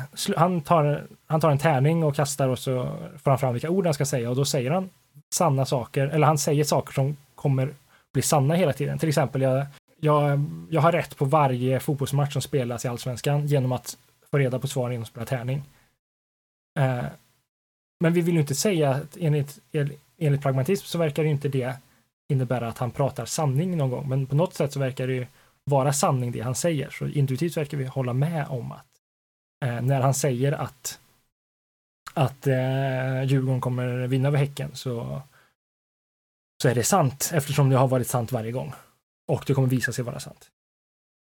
Jag tycker det blir konstigheter av den här. Eh, James säger vid ett tillfälle så här att eh, you can, eh, man kan säga att antingen att det är användbart för att det är sant eller man kan säga att det är sant för att det är användbart. Okej, det är synd. Okej, finns det då... Tänk det följande scenario. En vit lugn uttalad för att bespara en eh, vän onödigt lidande. Låt oss anta att det bara finns positiva konsekvenser av detta. Det är bara nyttigt. Eh, är det inte en lugn längre då? Men vad spelar konsekvenserna för roll? Då, alltså, det skulle kunna vara en, en svart lögn då. Alltså, det, eh, eh, men eh, då kan man säga, okej, okay, så jag ehm, jag ljuger till någon. Så jag vet, och, säger jag ljuger till Simon och säger att, um, jag vet inte att. Uh, att min introduktion var bra. Ja, precis. Att din introduktion fångade pragmatismen underbart eller någonting. Alltså så på ett perfekt sätt. Uh, och um, så då har jag sagt någonting. Men det betyder inte att Simon måste nödvändigtvis tro på det jag säger. Men även om jag ljuger. Men vi säger om Simon tror på, på det jag säger. På, på lögnen. Och för, för den är kompatibel med annat bevis. För om jag sa till exempel att Simon, om jag gör, om jag tyckte inte om Simon och sa Simon din instruktion var hemsk och dålig och det var min lögn. Och Simon skulle, skulle sen eh, på något sätt försöker göra det här kompatibel med resten av Simons trosföreställningar. Och om Simon tycker fan vad bra jag var, då ska han bara ignorera den här, san den här och det ska ju inte vara sant. Han skulle tycka sanningen för, för Simon skulle vara instruktionen var bra. Och om Simon, så, så Simon måste kunna, så här, mot, kunna motta en lögn. Så, så det blir en intressant fråga, så man kan bara ljuga till människor som är beredda att tro på lögnen. Mm. Det är lite knepigt när det är bra och dåligt för då blir det så här om de är objektiva eller inte. Eh, men jag förstår, ett, jag läste igår av någon anledning om den här hemska Colombia-olyckan, du vet den här rymd eh, Space Shuttle-grejen som exploderade när den åkte tillbaka till jorden. Ja. Då hade de ju sett att eh, en liten bit materia trillade och slog bort värmeskölden på ett ställe. Och några av forskarna ville att de skulle göra en ny undersökning. Då valde de att inte göra det och att inte berätta någonting för astronauterna för att de motiverar så här att om det nu är så här så finns det ingenting de kan göra åt saken. Och eh, det är bättre att dö lyckliga och dö bara plötsligt av en olycka än att inte kunna återvända till jorden och cirkla runt jorden och dö utav syrebrist. Eh, om vi säger nu så här då att de faktiskt yttrade så här eh, bokstavligt till astronauterna. Nej, det finns inga fel med eran värmesköld. De ljuger eh, det var lite problematiskt. Bara för enkelhets skull så säger vi att det är bara en enda människa som också har sett detta och dessutom att det aldrig framkommer efteråt att det faktiskt var det här problemet. Eh, då är ju det en, eh, den får bra konsekvenser, det är nyttig, den är nyttig, den är useful, eh, som han säger. It is true because it is useful. Är det sant och det är inte en lugn längre? Det är evidens för sin, för sin eh, det är evidens som kan ha praktiska konsekvenser, ja. Men om man säger, han säger it's true because it's useful, it's useful because it's true. Ska det läsas bokstavligt? Ja, att, att oh. till exempel, om jag tror på lögnen, då är lögnen sant för de som tror på lögnen. Men de som vet att det är en lögn, då är inte lögnen sant. Så länge man äh, äh, inte har det här förväntan att sanning måste vara samma sak för alla människor att det som är sant måste vara likadant för alla människor. Um, då är det inte så problematiskt tycker jag. Nej. För det är, bara, det är, det är enbart sant för de som tror på lögnen. Um, jag har en väldigt stark intuition att, uh, att det är något konstigt med det här exemplet och att, uh, att de tror att det är sant kan jag köpa, men att det faktiskt skulle vara sant. Men Kanske är det så här James menar. Jag får inte riktigt den här bilden av att han är fullt så relativistisk, subjektivistisk. Jag tycker det låter som att han mer tänker sig att det är en stor massa med idéer som på något sätt ska höra ihop. Vad heter det? Mm, ja, det känns som vi, vi har... Eh, vi, går, vi säger egentligen samma sak om och om igen nu. Jag håller med. Det kanske är, det kanske är dags att avrunda. Men det var intressant som lögn tycker jag. Ja. Alltså det var att hitta... Det var bra, det var, var bra att du sa det, för det var faktiskt en ny grej. Precis innan det hade vi sagt samma sak lite hela Okej. tiden. Eh, Det var en jätte, jätte, jättebra grej. Men vill ni säga något mer? Men jag känner annars ska vi nog avrunda det här. Ja, jag har ju skrivit så mycket mer, men det är nog mer av samma, jag är rädd. Jag är nöjd. Vill, vill du få fram någon kritik med Kristoffer? Eller känner du att du har sagt varför du tycker att det är Jag problematiskt? tittar igenom här nu. Ja, ja, jag är rädd att det, det blir nog mer, mer, mer av samma. Mer av samma. Jag, jag tycker vi har fått fram att det har varit eh, försöka få fram vad, vi, vad James säger, varför vi inte tror på det eller varför det skulle kunna, kunna vara rimligt. Ja. Jag tycker vi har gett allt, allt på det. Mm. Men eh, då var det bara eh, näs, nästa vecka, inte nästa vecka vad jag säger, jag tänker inte köra nästa vecka. Men nästa gång ska vi läsa eh, Torbjörn Tännsjös privatliv. Ja, just det. Torbjörn Tännsjös privatliv och vi ska prata lite etik, vilket vi inte har gjort tidigare. Tack så mycket, Hej då. hej då! Hej, hej.